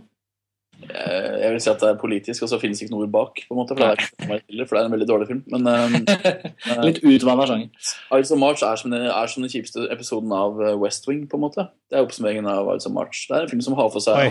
Det er faktisk et par ganske kjipe episoder av West Wing. Ja, ja, ja, de er kjipe også. Det er liksom virkelig, altså, det her er en film som tar for seg politiske eh, spillet bak kulissene. Kort fortalt. Du har sett det før, og du har aldri sett det, sett det mindre originalt enn det kanskje er her. på en måte. Det er en veldig masseprodusert film. Um, Josh Clooney er jo en ganske sånn kul regissør. Altså Jeg syns jo fortsatt 'Confessions of a Dangerous Mind' er den beste filmen hans. Jeg syns jo den der 'Good Night and Good Luck' var akkurat like kjedelig som det 'Out of March er. Men vi har jo snakka om 'Out of March før på podcast i montasje, og det tror jeg kanskje jeg oppsummerte det som at det føles altså som en hvilken som helst annen TV-serieepisode, bortsett fra at det er skrevet av en veldig kjedelig manusforfatter. Eh, her er det ingen Aaron Sorkin til stede. På en måte, her er det ingen gode replikker og store sånne thrilleraktige tablåer. Det er bare veldig det er veldig enkelt, og det er veldig altså det er lett, lett gjennomskuelig, og det er gjort hundre ganger før, og du behøver ikke å se den. på en måte. Hmm. Dessverre så er det også en type film som Hollywood elsker, igjen. Det er en type film som eh, altså Den har ikke gjort det kjempebra i USA, verken på kritiker eller publikumsmessig, men det er en typisk film som Hollywood kommer til å plukke opp og ønsker å anerkjenne på en eller annen måte. Om det så handler om å gi Ryan Gosling en nominasjon, eller jeg vet ikke, Philip Seymour Hoffman igjen. da. Men det er en veldig kjedelig film, og den er underprodusert. I kontrast til det overproduserte i The Artist, så er den her bare helt sånn flat. Intetsigende. Ingen nerve i det hele tatt. Karsten var nok mer fan, og det er morsomt, for jeg tror faktisk at Karsten kan vi jo si offentlig Karsten. Karsten har jo ikke sett film i TV-serie. Nettopp. Spiller Beach. Jeg, jeg tror jeg har sagt det på film Jeg må ha sagt det på Filmfrelst sånn ti ganger siden vi starta med podkasten. Så At, at, du, at du ikke har sett denne TV-serien Nei, hva? Jeg har sett få, at jeg har sett få TV-serier Ja. til det hvor på en måte, det ikke blir noen ordentlig referanse for meg engang. Altså, men det, jeg vil bare si kort, for jeg er enig i at vi trenger ikke snakke så mye om Ides of March. Altså, nå likte jeg den kanskje et hakk bedre enn Eirik, men, men de samme innsigelsene som Eirik akkurat har presentert, er jo på mange måter de samme som jeg ville ha presentert, men med litt snillere ordlyd. Eh, men, men det som var gøy, var at vi, vi bare så den, og, etter at vi så den, så endte vi opp med å ha en sånn, en timeslang samtale eh, som ble veldig veldig interessant. Mye mer spennende enn filmen. Eh, og der handlet jo også mye om at, at du har de perspektivene fra TV-serier Erik, som, som, som farg, fargela liksom, måten du kunne brekke ned og analysere filmen og pille den litt sånn fra hverandre på. Og det var gøy for meg, for jeg har ikke, den, jeg har ikke sett så, liksom West Wing Sopranos og så det er noen av de store TV-seriene hvor jeg liksom ikke har satt meg inn i det i det hele tatt. Um, samtidig som jeg hadde liksom en sånn magefølelse etter filmen som var basert veldig på den her feelingen du får. Det, det er basert på et teaterstykke, og, og som, når et teaterstykke skal liksom ta for seg noe som egentlig er storpolitikk, så bryter de selvfølgelig det ofte ned for å, for å få pakket det inn på en scene og liksom Ikke sant? Uh, Alt skal få plass i én ja, samtale. Karakterer som møtes i forskjellige rom, men snakker om et drama som kanskje virker større enn hva vi får se på scenen. Så det, er, det er litt sånn teatrets natur. Det kan jo fungere utrolig bra. Uh, men, men, um, men filmen føles veldig begrenset. Du, du kjenner på en sånn tanke om at dette, dette kunne vært mer episk. Dette kunne vært liksom for mange på et bedre bilde, liksom malt større ut på lerretet. Hvorfor, Ja. hvorfor tvinge seg til å holde det så inne på en sånn liten Man blir sånn klaustrofobisk. Sånn, folk føler ikke at dramaet går den retningen hvor man vil at det skal gå. Når det blir litt dramatisk, så blir det selvfølgelig overdramatisk. For da skal, de liksom, da skal, de, da skal de altfor tydelig dra filmen i en retning. Og når vi snakket om sjanger i begynnelsen, så er det sånn den har noen veldig fine, små dramatiske elementer når de etablerer karakteren, og man aner liksom at her kan det bli fint. Uh, even Rachel Wood, som spiller den viktigste kvinnelige rollen i filmen, hennes karakter har, har, har ting ved seg som gjør at man tenker her, her nettopp går det i riktig retning. Og det er en sånn type film hvor etter 40 minutter så, så tenker du det kan være en veldig, veldig bra film. Men når, ikke, når den ikke klarer å ta det opp videre, når den ikke klarer å ta med oss videre inn i et liksom drama som må øke i omfang, men derimot bare holder oss nede og, liksom, og, og, og ofte vanner ut dramaet ved å ha sånn kjempedramatisk ting, og så går det videre. Uten at det liksom får, får utviklet det mer. Da. Eh, og, da, og da vi begynte å diskutere den etter filmen, så, så hentet Eirik inn dette perspektivet på hvordan TV-serier kan, kan bringe oss langt, langt lenger inn i både det episke ved dramaet og karakterenes kompleksitet og alt mulig sånt, og hvordan denne filmen da på mange måter ble sittende som en veldig mislykket TV-episode. Eh, som var veldig lett for meg å forstå, samtidig som jeg ikke hadde referanser selv. Jo men, jo, men jeg er ikke enig med deg. For, at, uh, for det første, Den er ikke dramatisk, for den er ikke dramatisk i det hele tatt. Den har, ingen, har, jo, men den har jo ingen, altså Dramaturgisk har den ingen bølger. da. Den har ingen sånn toppunkter. på en måte. Den er helt flatt. Altså, den har ikke engang en scene hvor uh, musikken økes i intensitet. Den har ikke noe sted hvor kameraet stiger, den har ikke noe sted hvor skuespillerne skriker. da. Den har på en måte bare, den er helt flat dramaturgisk. Det jeg snakket om når vi gikk ut av kinoen, var jo at hvis du hadde tatt, satt deg ned liksom, på en måte, og næranalysert for eksempel, tatt for deg en episode av, en, en sesong av eh, The Wire eller Mad Men eller Sopranos eller de store seriene, og det samme med Maktens menn, da, så ville man sett at plottpoengene i Dials of March er akkurat det samme som en hel sesong av West Wing. Problemet er at her er alle plottpoengene pressa inn i en liten film. på en måte. Derfor så blir det veldig overfladisk. Men som TV-serie så har man tid til å gjøre de karakterøyeblikkene, sånn som du sa, da, underveis i sesongen, i løpet av kanskje eh, 15 episoder. Eh, men problemet er at i en TV-serie så kan du bygge det crescendo av følelser gjennom tre episoder. Altså Mad Men er beste eksempelet. Mad Men kan ha ett, en liten karakterkonflikt som kan være hovedpoeng i tre episoder. Og så kan det bygges en sånn ekkelt følelse av crescendo gjennom hele de tre, tre episodene. Og så er det kanskje ikke så veldig dramaturgisk storslått gjort. Fordi det gjøres på en veldig sånn krypende måte over da to og en halv time, så blir du veldig med på det. Her så, er, her så blir det bare sånne små sånne bølgeskvulp du, må aldri, du aldri helt, helt får med deg. Eh, og spesielt også fordi det er faktisk den filmen av George Clooney sine produksjoner som er den kjedeligste eh, på alle mulige måter. da. Kjedeligst spilt og kjedeligst skrevet, og kjedeligst eh, visualisert. Så den har på en måte, den har ingen høydepunkter. da. Um, og da blir det veldig lett å se hvor banal den er i forhold til det som eksempel, HBO nå gjør med TV-serier, hvor de bruker masse tid på å utvikle karakterer. ikke sant? Um, og Da skjønner jeg ikke hvorfor den er laget. Da skjønner jeg ikke poenget med å lage en sånn film. Fordi publikum er jo nå bortskjemt med nettopp høykvalitets karakterdrama i langformat. Og, altså Publikum har blitt ganske så flinke og sofistikerte på nettopp politisk thriller. For vi har sett disse TV-seriene hvor det fungerer. Og Da må filmene finne noe annet. altså De må gjøre det på andre måter. da. Og I hvert fall så må de gjøre visuelle ting som ikke TV-seriene kan gjøre. De må bruke kinolerretet. George Clooney bruker ikke kinolerret. Liksom. Her kunne det vært en TV-film. For Den trenger ikke kinolerretet for, for, for noe som helst. Når det er sagt, så har den, altså Evan Rachel Wood er veldig veldig god i en birolle som den eneste noenlunde gode kvinnelige karakteren. på en måte. Marisa Tomei har en fullstendig underspilt, elendig, nei, underskrevet rolle. Men Ryan Gosling, som jeg er veldig lite fan av, jeg synes han er en ganske kjedelig og kjip skuespiller, er jo kanskje det verste. For han er, veldig, han er så innstendig. Måte er det så tydelig at han, han skal nå vinne en Oscar for denne rollen her. Og det, det så, ah, det er så smakløst. Og Josh Clooney selv spiller jo også en rolle i filmen, og han er bare sånn det virker som at alle er, sånn, alle er tafatte. Fordi det, måte, det, her- skal være så sofistikert og neddempa fint. Men det blir bare kjedelig. Mm. Uten å ha sett uh, Maktens menn, så følte jeg at du ga en veldig solid eh, nedbryting av Eller hva skal det En solid uh, argumentasjon for hvorfor jeg ikke bør prioritere den høyt på lista mi. Mm. Um, det var, var litt interessant at jeg hadde å si om, om, om TV-serier, langformat og karakterdrama. Um, det ga jo meg veldig, sånn, veldig piff på dette med å liksom få, få, få hodet mitt ned i disse, disse seriene som alle snakker om. Nå kunne jeg vært en parodi på 90-tallet, men, uh, men uansett. Altså det, jeg er veldig enig med deg, Martin, og det var jo de tingene Eirik også jeg snakket om filmen. Og, og, og mitt, forhold, mitt, mitt, mitt, liksom, min liksom følelse av tiltro til filmen uh, frem til halvveis handlet jo på en måte om at jeg forventet at, at den skulle bli den filmen jeg tenkte den kom til å være, men den ble jo aldri det. Det jeg, men, men jeg hadde jo aldri på en måte, Jeg hadde jo ikke helt liksom, jeg klarte ikke helt å sette fingeren på hvorfor jeg syntes den ble så daff, og hvorfor den liksom, liksom ikke, ikke ble det den var. Da. Og da var det jo veldig Det er jo de tingene her som gjør at uh, TV-seriene virkelig har fortjent sin posisjon som en seriøs utfordrer til, til rett og slett uh, det virkelig dramatiske formatet. Da. Så jeg kjenner jo min besøkelsestid nå stadig mer. Kommer pressende. Det er jo, det er jo en, det er en reell utfordring for produsenter og regissører som jobber med manus, og får manus, at de nå vet at publikum er blitt ganske vant med å se ting over lengre tid. Altså Mm. Publikum er blitt mer tålmodige, for de har investert Altså de er, de er vant på å investere mye tid da, i karakterer. på en måte, de, de lar seg ikke avspise med en og en halv time. En kontrast til det som jeg vil ta opp før vi går videre, er at når vi nå får se Girl with Dragon Tattoo av David Fincher, så skal jeg love liksom, at det som David Fincher gjør for det, Vi har sett veldig mye, vi har sett eh, alle mulige Henning Mankell-filmatiseringer og alt mulig sånt på TV. Vi er også vant med å se kriminalsjangeren utbrodert i langformat i sesongbaserte TV-serier. ikke sant? Det som han kommer til å gjøre, han kommer til å rendyrke så fullstendig kinolerretet at du aldri kommer til å ønske å se den på TV. Det er hans store fortrinn. Han får til det, for han er filmskaper. Han er ikke TV-serieregissør, han er filmskaper. Ikke sant? Og det, jeg lover at det filmen kommer til å være så innstendig i uttrykket at du aldri ønsker å redusere til å se den på TV-en din. Du kommer til å gjøre det selvfølgelig, men altså, den må ses på kino. Fordi han, han har skjønt hva det handler om. Og, og det kommer til å være så tett, da. Tett handlingsmessig.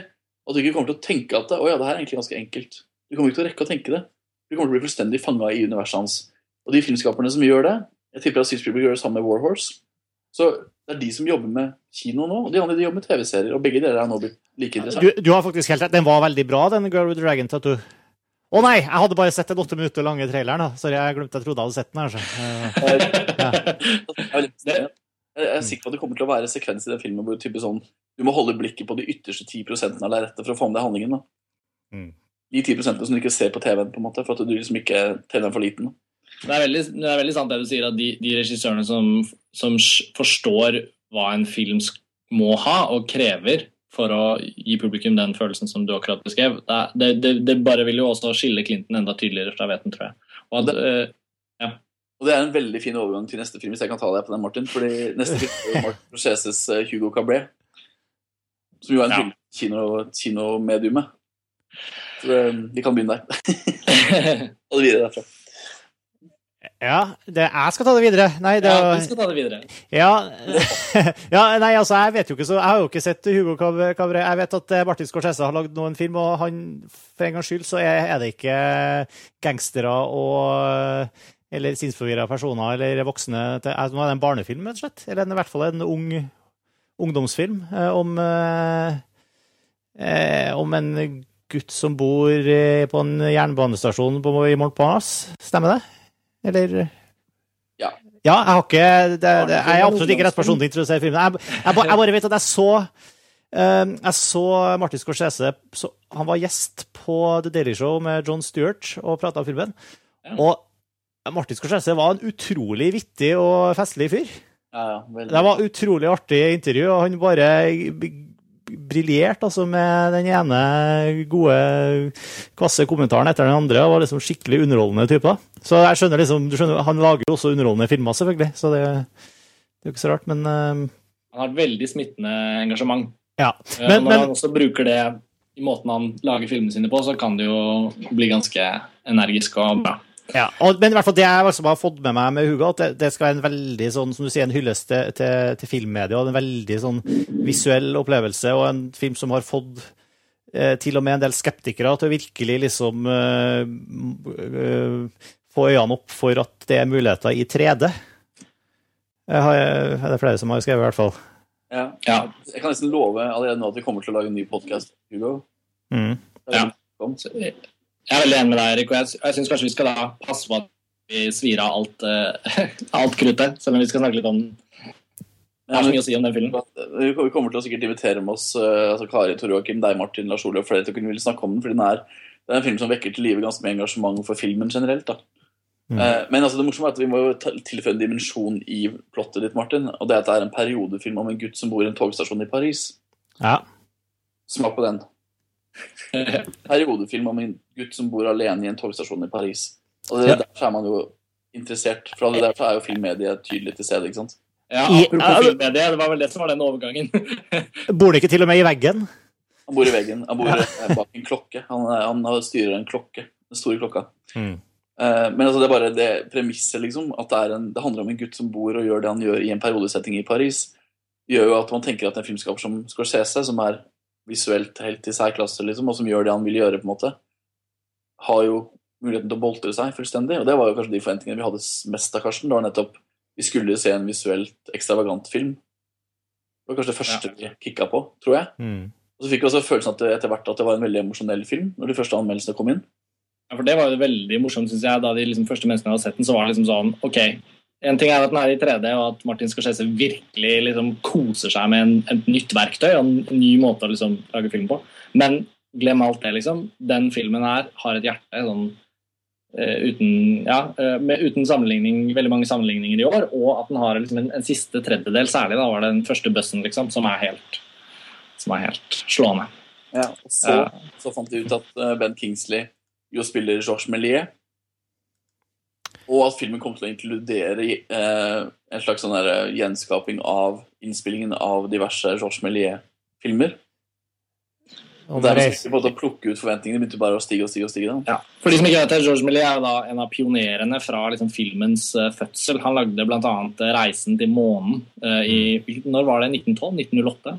Åh, nå- Eh, åh, nå husket jeg ikke. Ja, uansett. I hvert fall en av de første eh, altså Han var en av de første som egentlig lagde på en måte fantasy hermetegnfilm, eller science fiction-film. Han, han var en slags magiker som, som virkelig tok det helt nyfødte filmspråket mange hakk videre.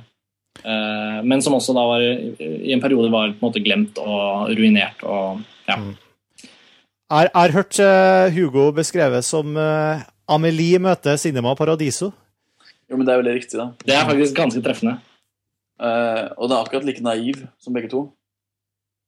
Eh, den, er veldig, den er ikke så horroraktig som det Amelie jo egentlig er, men uh, det er, den er absolutt like naiv og flott. Og, Og den, er, og den er ikke like den ikke, altså Jeg syns Paradiso er en nydelig film, men den har også noen sånne så in your face sentimentale eh, virkemiddel altså noe, noe virkemiddelbruk som er så in your face at den på en måte kan gå litt i halsen på deg. Jeg tror ikke Hugo kommer til å gjøre det på samme måten. Den har selvfølgelig et vell av måte melankoli og sentimentalitet og følelser og ting som gjør at man blir helt revet med, men den er mye mer, mye mer sofistikert, vil jeg si, både, både dramatisk og visuelt. og så er den, altså den er jo um, Amelie er jo giftgrønn og blodrød, på en måte. Altså, det er jo en horrorfilm, Amelie. På en måte pakka inn i et feel good-skall. Men eh, Hugo er er en altså fullt ut feel good-film, på en måte. Skutt i et veldig vakkert, mykt lys. altså Den har ingen sånne Altså Den er jo litt trist, og den er litt farlig, og så videre, men det er på en måte det er en feel good-film. da. Ja. Og, og du, Martin, du, du lurte på om det var en barnefilm eller ungdomsfilm tidligere. Jeg, tror ikke, jeg, jeg vil ikke sagt at den er noen av delene. Den er en, det høres teit ut å si at det er en familiefilm, men det er en film som på en måte den er en veldig sånn, omfavnende film. Den åpner opp for at alle, alle kan finne en vei inn i den historien, og det er absolutt ikke for forenklet for, for både voksne eller intellektuelle. Ja, men, den har en veldig sånn, bred, bred målgruppe, vil jeg si, uten at den på en måte utelukker noen ved å bli for eh, For det, det Scorsese sa, jeg brukte mye tid på under det intervjuet med John Stewart, så forklarte at eh, endelig så hadde liksom eh, han lagd en film som dattera hans kunne se. ja. For han har jo en tolv år gammel datter eller noe sånt, eller ni, eller hvor gammel du nå er. Så Ja. Det var vel noe av grunnen til at han lagde filmen, nå, hvis ikke jeg husker feil. At han, at han var, måte, fikk veldig lyst til å lage en film fordi han ble inspirert av det. Han, han har jo fått en datter liksom sent, i, sent i livet. Han har vel noe eldre barn nå, men, ja, men han, at han er barnefar nå, gir han sikkert en sånn ny, ny på en måte, energi på en eller annen måte. da. Men jeg tenker, når jeg tenker sånn eh, jernbanestasjon og uh, gutt som bor i eh, skulle si, veggen og uh, store Da tenker jeg liksom store ja, Gardunor Men jeg, liksom, jeg får sånn assosiasjoner til Galtvort og Harry Potter og sånn, men eh, er, vi, er vi der, liksom? Det foregår jo på en måte i Gare Montparnasse, som er ja. disse mange i Paris. og den er jo, eh, Montparnasse er jo ikke lenger en gammel, fin togstasjon. Den er jo revet, og så er det bygd opp en ny oppå. Mm. Men Paris har jo flust av de der fine, vakre århundreskiftet-togstasjonene, som også Harry Potter da vet å bruke i London. Mm. Eh, men det er, Ja, det var så ikke Galtvort jeg tenkte, jeg tenkte på. Ja.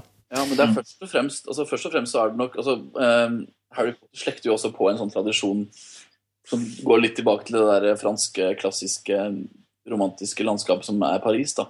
Som Harry Potter også bruker litt på at de har flytta til London og osv. Men dessverre så har jo Hugo foregått i, et, i et, et, sted som ikke finnes en dag i dag. da.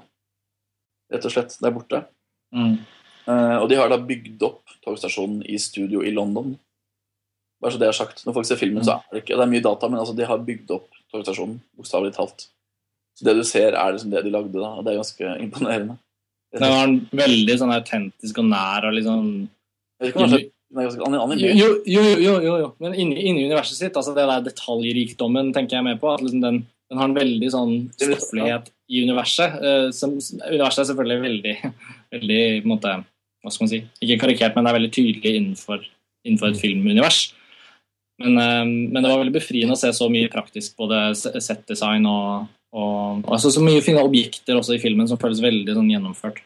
Ja, ja, men den er totalt gjennomført. Altså, interessant er at Produsenten til Scorsese har jo virkelig latt ham bare gå helt uh, av skaftet. Altså, det her er det er på en måte på nivå med Aviator-visualiteten. da. Altså sånn, Ja. vi, bygger alt. Punktum. Ja, og så I tillegg så er det en 3D-film. og nå vet jeg at dere ikke, Det er faktisk en av de få filmene dere ikke har sett. som vi har fått sett først, det er jo Tintin, så dere har ikke det å sammenligne med. Men altså, hva, hva tilfører Scorsese eh, til 3D her? Det er jo Det er jo morsomt, fordi når man, når man da vet hvor filmhistorie eh, bekjent Scorsese er, da, så er det naturlig å tenke at han vet i hvert fall fa- 3D-filmens fallgruver. da. Han vet jo på en måte veldig godt hvordan 3D-filmene opp gjennom årene har bare mista sin popularitet fort. Kommet brått og forsvunnet brått. ikke sant? Og det han gjør altså han har jo faktisk, Jeg, jeg, jeg har ikke sett noen bruke 3D med større finesse, bortsett fra Wim Wenders i Pinna. eh, noen gang. Og det er jo fordi han, han bruker veldig mye støv, han bruker snø, han, han bruker veldig mye sånn partikler i, eh, i lufta, som gjør at du sitter hele tiden og føler at du er i universet. Ikke bare for at det er et 3D-perspektiv bakover i landskapet, men også fordi at du, du har tekstur da, som du kan forholde deg til i 3D-apparatet. Du har Mm. støv som går innover i bildet, du har støv som virvler opp av trapper. ikke sant? Og da er det mye mer eh, håndterbart når du sitter der med 3D-brillene. Det blir ikke en gimmick i det hele tatt. Det blir egentlig bare en slags følelse av at du bare lever deg enda mer inn i universet. Nei, altså, han, har, han har virkelig utnyttet eh, 3D-formatet. Akkurat som en filmskaper som kan lage film i farge for første gang, tar seg tid til å forstå hvilken effekt eh, Altså farg, bare, sånn, bare hvor mye farger har å si for hvordan man forstår situasjoner og psykologiske ting. og sånn. Selvfølgelig det er enda mer overdimensjonert enn hva 3D kan gjøre. Men da, man føler liksom at måten både Robert Richardson som fotografen er, og Scorsese liksom eh, Som du sier, Erik, med det med tekstur og sånn, er jeg helt enig og- og- Men også dette dybdeelementet som ofte blir, liksom, blir glemt til fordel for å ha liksom, ting som fyker frem mot, uh, fyker liksom, mot deg i 3D, så er det jo vel så interessant å se 3D som, som tar deg med liksom, videre innover. Da. At, at lerretet istedenfor å bli utvidet mot oss, blir utvidet innover. Og med en togstasjon, med liksom, hele Paris, med små gater, med at han lever bak disse veggene, og veldig mye av perspektivet til hovedpersonen handler om å se fra innsiden av veggene ut på en verden eh, på togstasjonen som han på en måte ikke helt er en del av. Han er liksom litt en outcast på en sånn måte. Så jeg syns jo 3D-formatet også anvendes veldig, veldig fint narrativt sett. da. Og det blir aldri misbrukt. Det blir aldri sånn at fordi ikke filmen har noe bedre å finne på, så, så skal den liksom være sånn 3D-gimmicky. Aldri, liksom. Og det tror jeg ligger nettopp i Scorseses liksom, kjennskap til formatet. da. Mm. Altså, han, han, han vet fellene, på en måte. Han vet det veldig, veldig godt. Eh, han er jo også filmskaperen som ikke har snakka så veldig mye om 3D før han valgte å skyte Hugo i 3D.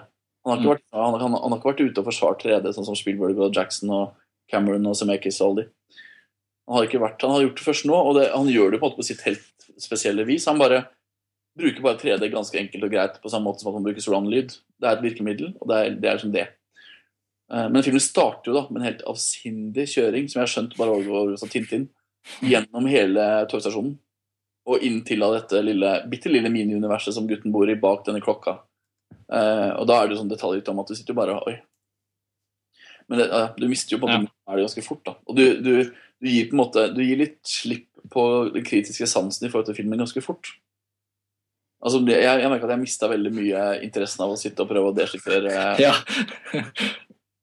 Han, han, er så, han er så tydelig engasjert, på samme måte som at i, i um, Aviator det starta veldig bra. Jeg var veldig sånn her, herregud, skal han virkelig gjøre alt det her, liksom?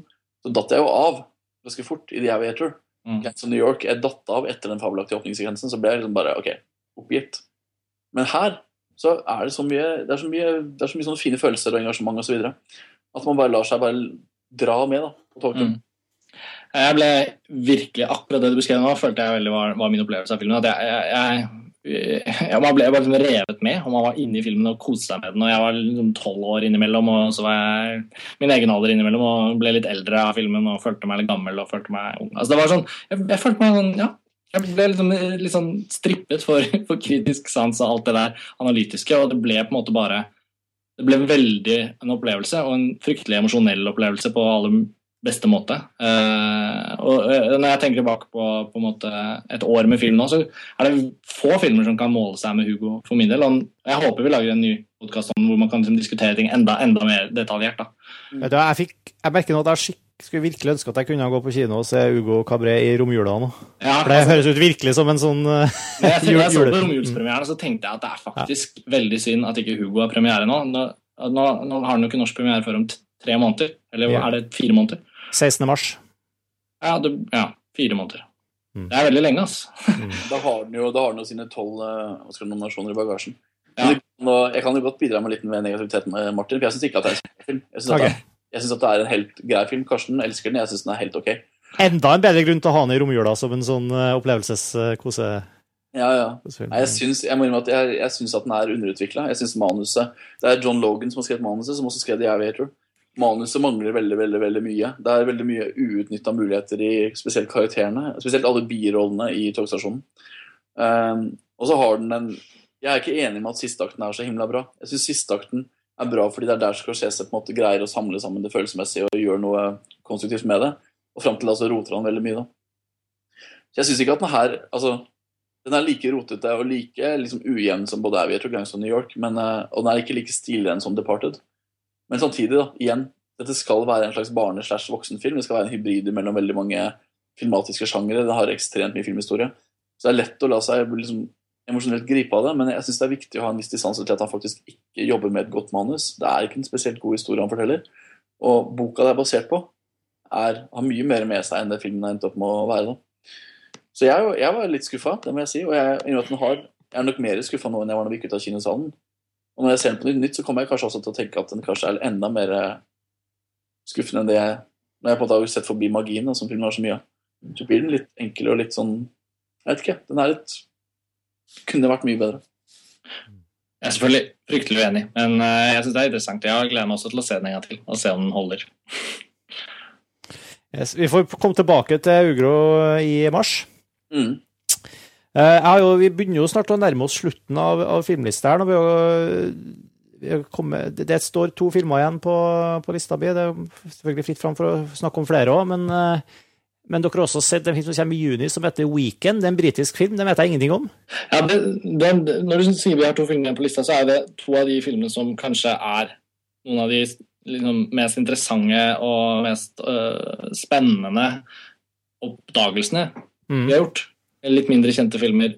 Eh, så det er jo på en måte synd at de kanskje får minst tid, men eh, Jo, men samtidig, det er fint, og det er jo derfor jeg ikke er så mye Jeg har ingen forventninger knytta til de siste filmene vi skal Nei. snakke om heller, så det er veldig spennende. Bare, det må nesten dere bare fortelle oss eh, hva som gjør de her filmene spesielle, og, og hva, hva vi har å glede oss til. hvor begynner vi Hvor begynner vi med Weekend, Erik? Ja, men Vi har sett ganske mye amerikansk indiefilm uh, i New York, på en måte, og det her er to av de da, for å si det sånn. Vi har egentlig sett mange flere enn det her. Og den andre, Martha, Marcy, May, Marlene. Ja. Mm. Starter med Weekend. Vi har jo snakka om Weekend før, da, skal sies på podcast. Ja. Ja, vi har vel nevnt Altså Men den får norsk kinopremiere, ikke sant? ja, det, We de, har, Weekend gjør det. Mm. de, de har vel ikke offentlig, offentliggjort den eh, ennå, men, eh, men den får norsk eh, kinopremiere Mm. når sommeren kommer. Hvor starter man? Det, er jo, det foregår jo i Nottingham Mm. I England. Så det er på en måte en, en, en, en britisk film, men den ble oppdaget på South by Southwest-festivalen i mars. eh, Hvor kanskje det mest indie av eh, amerikansk og engelskspråklig indie-film får, får sin debut. Sundance har jo litt mer sånn kommersielt eh, aspekt ved seg. Um, og så har den gått liksom, surret og gått på festivaler og, og sakte, men sikkert bygget opp en buss. Det var jo du som hadde hørt mest om den, tror jeg, Erik, før vi Det, ligger, det, er jo, ja, det, ligger jo litt, altså det her er jo det er en film som handler om en fyr som er på fest, og så når han drar hjem fra festen, så stikker han innom en homseklubb. Han er tydeligvis skaphomse, og han møter en fyr på klubben hvor som han eh, har et one night stand med. Og så handler det om helga de har sammen etter det one night standet, som viser seg å bli mye mer emosjonelt enn det de hadde tenkt da, når de først møttes i fylla. Uh, og det plottet er jo så klisjé og så kjedelig at det er jo bare altså Man blir jo helt grønn av hvor banalt det er. ja, det er jo, Det som var gjorde at jeg ble engasjert, var at det virka som at alle som hadde sett den, var helt satt ut av hvor fint det var portrettert. Altså hvor, hvor fin filmen var, da. mm. Rett og slett. Og det var derfor jeg, jeg liksom hadde lest om den, og så hadde jeg litt dialog med andre folk om det, og så virka det som at det bare at det her var en av liksom, de filmene som greier å handle om homofili uten å på en måte handle om det i det hele tatt. Det blir en sånn verdenshistorie som bare handler om hvordan mennesker har det noen ganger, og så er det det.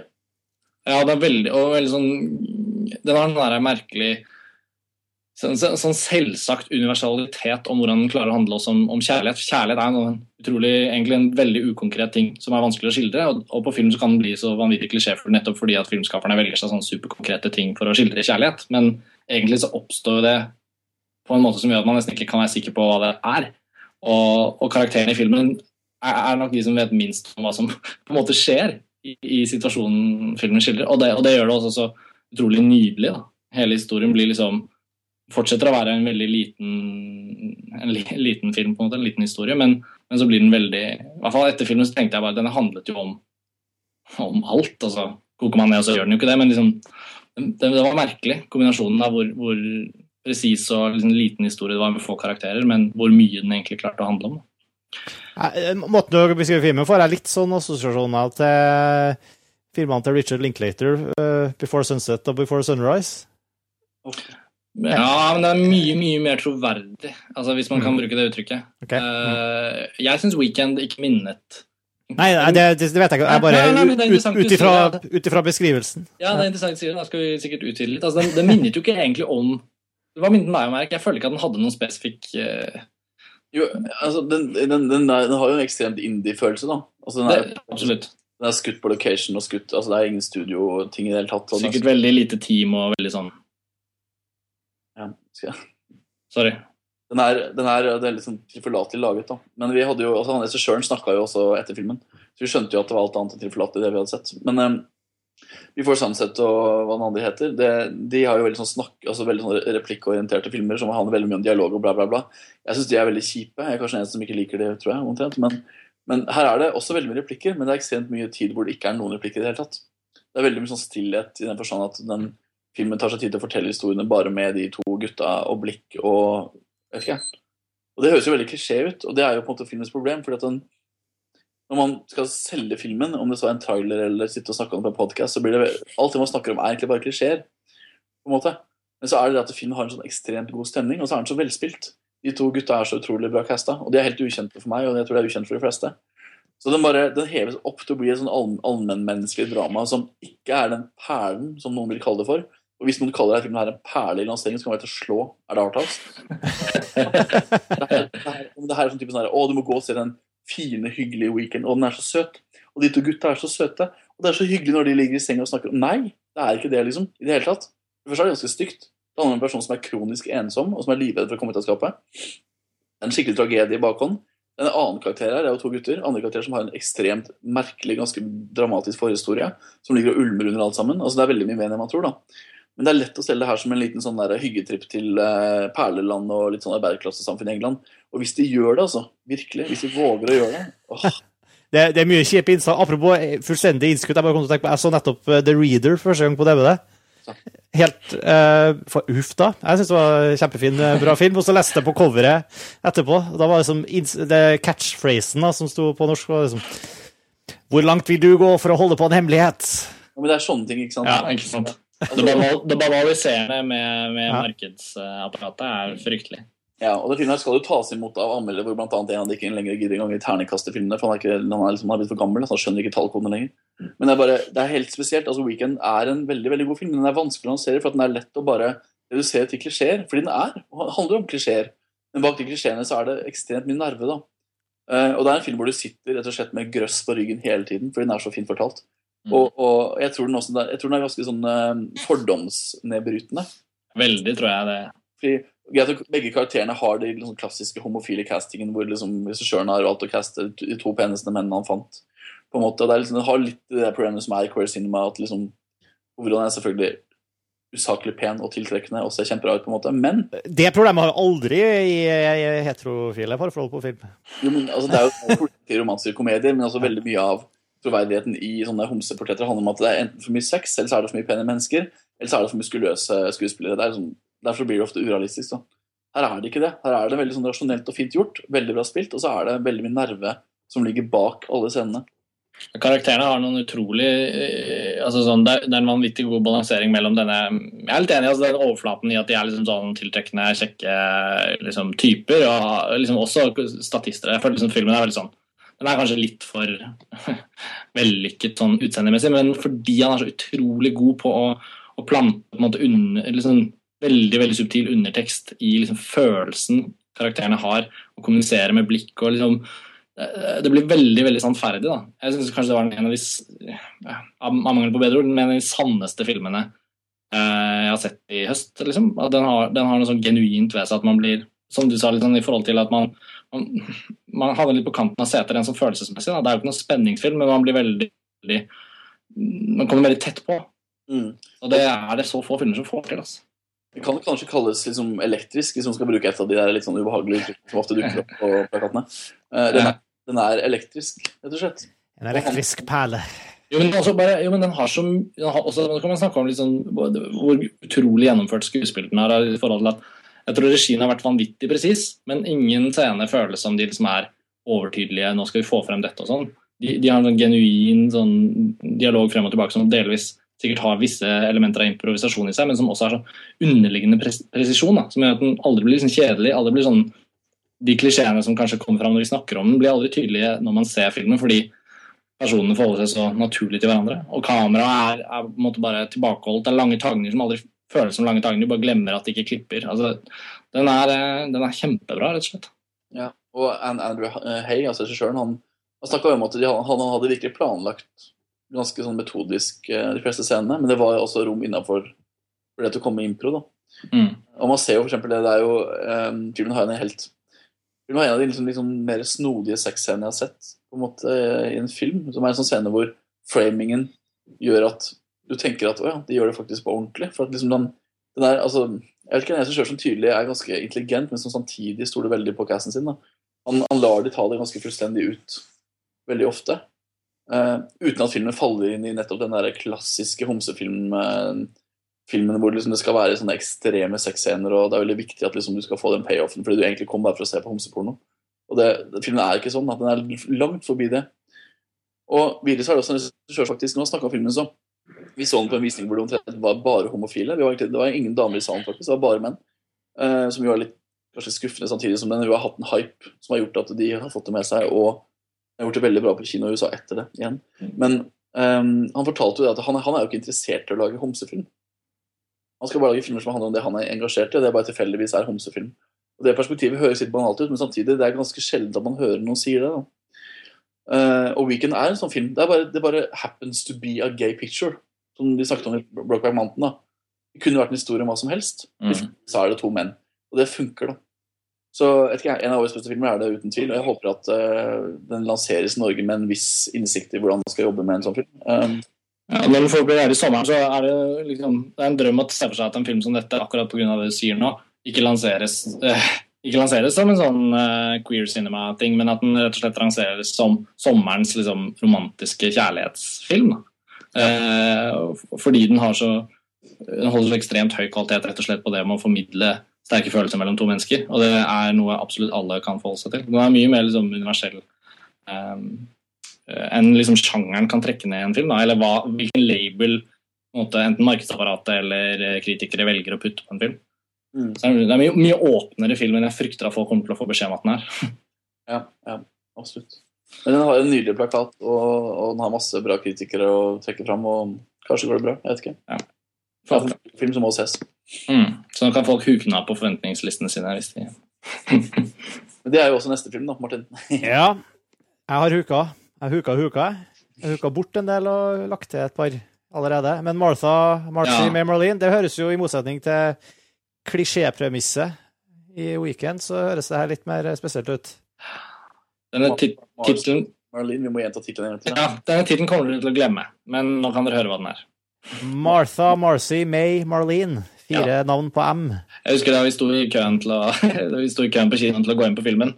Uh, så hadde vi kjøpt billetter, og så var det sånn kø før man liksom ble sluppet inn i salen, og så kom det noen folk som stilte seg rett bak oss, og så begynte de å snakke litt om filmen, og så var det sånn derre What's the film again? What's the title? Marth, Mar Marty, Marty Sabri Altså, det var ingen som husket tittelen, og når man skulle snakke om den etterpå, så var det også litt vanskelig. Så, um, så allerede en flopp, med andre ord. Den får, hvis, den, hvis, den, skulle fått norsk distribusjon, som den foreløpig ikke har, så får den sikkert en sånn derre Skogens drama, eller jeg vet ikke, Maktens menn. Martha Marcy May Marlene i et nøtteskall. ja, i et nøtteskall.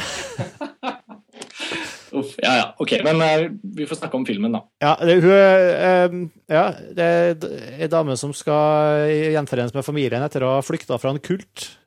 Fra en, uh, står det her på IMDb.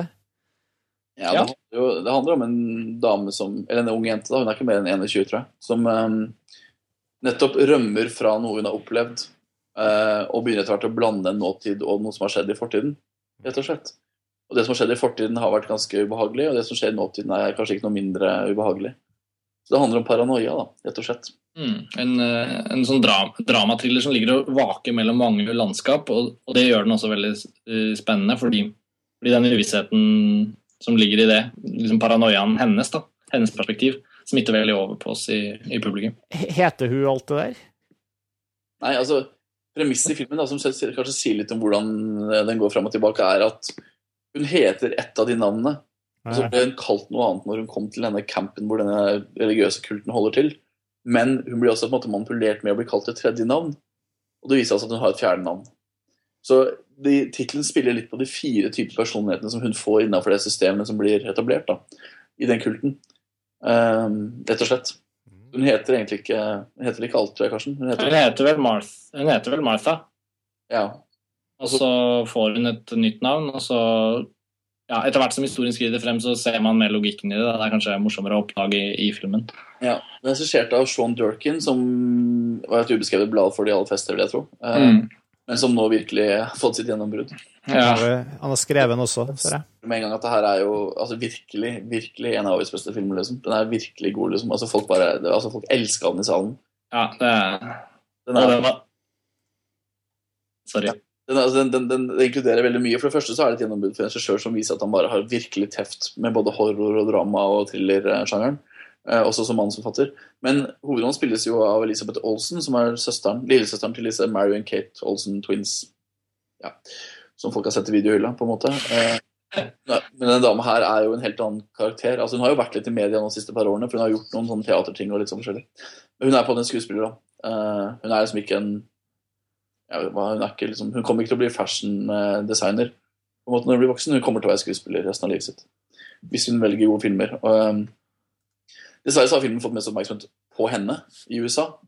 Jeg vil jo påstå at hun inngår egentlig bare som ett ledd i en film som helhetlig sett er uh, gjennomført. da. Jeg vet ikke, Hvor skal vi begynne, Karsten? Der? Nei, altså det, jeg syns det der med at den er så spennende da. Altså Hvis man på en måte er glad i å se horrorfilmer eller thrillere, så ender man ofte opp med å få sånne veldige sjanger. Sånn, å, det var en dødsbra sånn, renskåret thriller, renskåret horrorfilm eller sånne ting. Så personlig jeg er jo ikke noen stor fan av horrorfilm, for jeg blir så fryktelig skremt og redd, og jeg syns ofte det er veldig manipulerende sjanger. Liksom kaster ting mot deg, eller høye lyder, eller alt det der. Denne filmen her ligger liksom i det der utrolig merkelige og enda mer skumlere, men også veldig mye bedre landskapet, som jeg syns liksom, er den der liksom nedtonede psykologiske paranoia-thriller-drama-tingen som Filmen vet at den skal liksom lage liksom skiftninger mellom bevissthetsnivåer, men den er aldri liksom en fantasy. Det handler mye mer om minne. Altså på en måte Narrativ kan sammenlignes kanskje litt med jeg vet ikke, en sånn blanding av Eternal Sunshine og Memento, hvor du på en måte tenker at scenene kommer naturlig etter hverandre, men du er alltid litt sånn det er alltid litt vanskelig å se hvor karakteren befinner seg, fordi man også vet at karakteren har et, et sinn som er liksom forskjøvet i den ene eller andre retningen. Og jeg synes det at filmen liksom etablerte det såpass tidlig, en veldig sånn dirrende stemning, og aldri slapp den Man var nesten helt svett da filmen var ferdig. Uh, og, og, i veldig positiv forstand. da. Og helt til liksom, siste bilde så er det på en måte er det en film man aldri helt får kontroll på. Heldigvis ikke.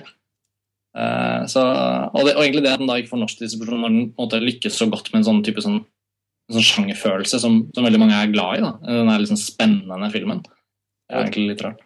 I forskjell fra Weekend, da, hvor du på en måte forhåpentligvis ikke skal lure folk inn på noe annet enn det de ender opp med å få, så er det en film som de fint kan bare lure folk til å tro at de skal se bare en helt vanlig horrorfilm. Det er helt greit, fordi mm. det er veldig vanskelig å ikke få payoff-følelsen av horror uansett. Altså Det er en film som den, den er lykkes så genuint på både drama, thriller og horrornivå. da, at Mm. hvis, du, hvis du hadde solgt det som et drama, så ville de folk ha vært fornøyd. Hvis du hadde solgt det som horror, så ville de folk ha vært veldig fornøyd.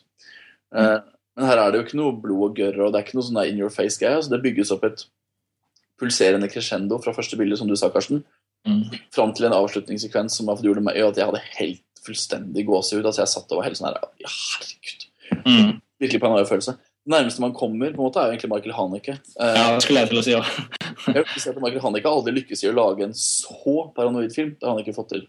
Så jeg vet ikke. Eh, altså, Haneke er mer sofistikert og Ja.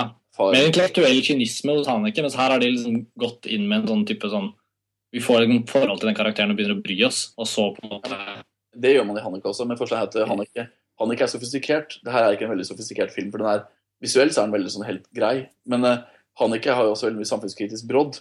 Det har også denne filmen her. Den handler om religiøs eh, fanatisme. Ja, ja. vist da, og handler også veldig mye om hvordan ungdom, eller spesielt da unge voksne, kan manipuleres inn i forskjellige sinnstilstander. Og det handler veldig mye om, om seksualitet. Det handler veldig mye om farsfigur. For det er en John Hawks-karakter. Altså John Hawks, som dere sikkert kjenner, som er Han som spilte han fyren i for uh, Winter's Bone i fjor. Uh, han, han spiller da denne slags som profeten på en måte i, i sekten. da. Og han spiller en farsfigur som setter veldig tonen an for ganske mye kritikk imot farsrollen generelt. da. Så jeg vet ikke, den, den rommer veldig veldig mye, men den er ikke like klinisk som Michael Haneke. Samtidig så er det veldig mye Haneke i den. mm, Absolutt. Og den Um, Hele casten, egentlig. Også, liksom, veldig mange viktige bifigurer der som kanskje nesten, nesten ikke, har, ikke har veldig mange sider i manuset, men som er vanvittig viktig for å liksom, etablere de forskjellige sinnsstemningene til hovedpersonen. Både på en måte den storesøsteren som hun, som hun kommer til i, liksom, i den vanlige vanlige samfunnet, på en måte. Men også disse, det er liksom en gruppe av mennesker, unge mennesker, som, som utgjør det samfunnet ute i naturen der. Da. Som er, nei, det er virkelig sånn, ganske sånn skremmende på den, på den bra måten. Jeg merker jo nå etter å ha hørt uh, alle, dere beskrive alle de filmene som vi har vært gjennom i kveld, det her er jo eh, høres ut som den som jeg, hvert fall jeg fikk kanskje aller mest lyst til å se. Og, og kanskje en av filmene som kanskje blir vanskeligst for meg å se òg. Ja, altså dessverre. Den ble da vist i, på, var det på BIFF og på Oslo Filmfestival, tror jeg. Så den har på en måte hatt noen visninger i, i Norge. Mm. Det er egentlig veldig merkelig at den ikke har fått norsk distribusjon. Altså. Iallfall status per, per i dag. Ja, det er litt rart. Eh, fordi man skulle kanskje tenke at den kunne vært Jeg tror, jeg tror ikke det er den vanskeligste filmen å lansere. da. Nei, ikke sant? Eh, når jeg sagt, så er det også en film som når Sean Durkin nå lager en større budsjettert eh, thriller, på en måte sånn om Ja. Så Ja. vil her dukker opp på videohylla. Og jeg ser for meg at her kan faktisk bli en liten sånn à la Donnie Darko-hit. da. At, det får, at den har et veldig kult potensial der bak seg. Eh, mest fordi at den ikke er en kultfilm per definisjon, men bare, jeg tror kanskje den kan bli det. Og så kommer den til å være veldig interessant å analysere. Jeg vet ikke hvem av oss som kommer til å skrive saken om den på montasje hvis den kommer på Mm. kino. Mm. Det er veldig fascinerende å ta en analyse og se hva den egentlig forteller. fordi det har ekstremt mange bruddstykker av noen veldig store historier. Altså, Vi får jo heller aldri det fulle bildet, som jo gjør at det blir enda mer eh, ekkelt. Men det er noen ideer i filmen som handler om at det har skjedd ganske mye før som ikke vi vet om, men som, som jeg tror man kanskje kan analysere seg fram til. da. Eh, Så jeg vet ikke. Den er gjennombrudd både for regissør og Hallo? den er skikkelig bra. liksom. Du, fa- du valgte ut et øyeblikk der, Erik. Ja. Men du gjennombrudd som regissør, og den er skikkelig bra, fikk vi med oss i hvert fall. Og den vokser, altså, den vokser og vokser som film, da. Ja. Den, eh, ja. Ja, det er, vel- apropos det, Erik, nå som vi snakker om filmer som noen år, er det kanskje noen måneder siden vi har sett, og noen har sett for noen uker siden, så kjenner jeg også det at når, når vi liksom kom til Martha Marcy May Marlin, så, så har den virkelig vokst. altså. Kjenner sånn, sånn intenst for å se den igjen. Det er kanskje den og Hugo som jeg har mest lyst til å se om igjen. For meg så er det egentlig bare Weekend og Martha Mars eh, som helt tatt har holdt seg. De andre har nok falt. Moneyball skal jeg se på nytt, og den kommer til å være like bra, men de andre har nok falt betraktelig. altså. Det må jeg bare si. Ja, det er uansett eh, et eh, bra eh, filmår i vente, selv om kanskje de det er noen måneder unna de filmene jeg gleder meg mest til, ser jeg. Man får bare spørre seg med tålmodighet. Ja Um, Ja. Nå har vi akkurat kommet tilbake fra New York, så det var litt sånn deilig, merket jeg, å bare få for det var sånn snakke seg gjennom filmhøsten, litt for, for vår del. Så får, vi, så får vi se hvilke det blir vi går tilbake og ser om igjen. Kanskje vi må Ja. finne en annen måte å få sett eh, nye filmer på når alle dere andre skal gå og se disse. Det har vært veldig bra. i hvert fall. Det har vært veldig fint å ha dere tilbake i Norge, selv om eh, for meg i praksis så er det jo ikke noe stor forskjell på om dere er i Oslo eller i New York, merker jeg. Vi snakkes jo bare på Skype likevel. Ja. Jo da. Eh, Men uansett, det, det er i hvert fall veldig, veldig betryggende å ha dere tilbake. Bra. Godt. Godt. Det er hyggelig å være tilbake. um, og vi må prøve å få til en um, podkast, en filmfrelst til, i hvert fall i år. Mm. Ja, det er vel en, et snikende Det er vel en snikende Girl with a Dragon Tattoo som eh, Ja, det, og så har vi hatt en tradisjon for å spille inn eh, litt sånn eh, våre favorittfilmer fra i år. Absolutt. Altså oppsummere året, rett og slett. Det er jo det føles også naturlig, så kanskje det er to episoder igjen. Det da i kan godt tenkes at det er to. Mm. Uh, vi får se. Uh, Girl with Dragon Tattoo i hvert fall, det blir jo en av de, som dere sier, en av de store eh, desemberfilmene. Ja. Så, så det er jo en høy, høy sannsynlighet for at vi har et behov for å snakke om den. Absolutt. Yes. Men uansett, det har i hvert fall vært skikkelig kult å få en sånn uh, snik titta på, på hva vi har i, i vente. For dere som har hatt uh, privileged access til filmene. Så jeg tror jeg bare skal si takk, takk for nå. jeg. Mm, takk Ja, det har vært eh, kjempehyggelig. Takk for, eh, takk for denne gang. Ja, og så er vi tilbake om eh, et par uker med en ny episode av Filmfrelst. Så da høres vi da. Gjør vi. Ja.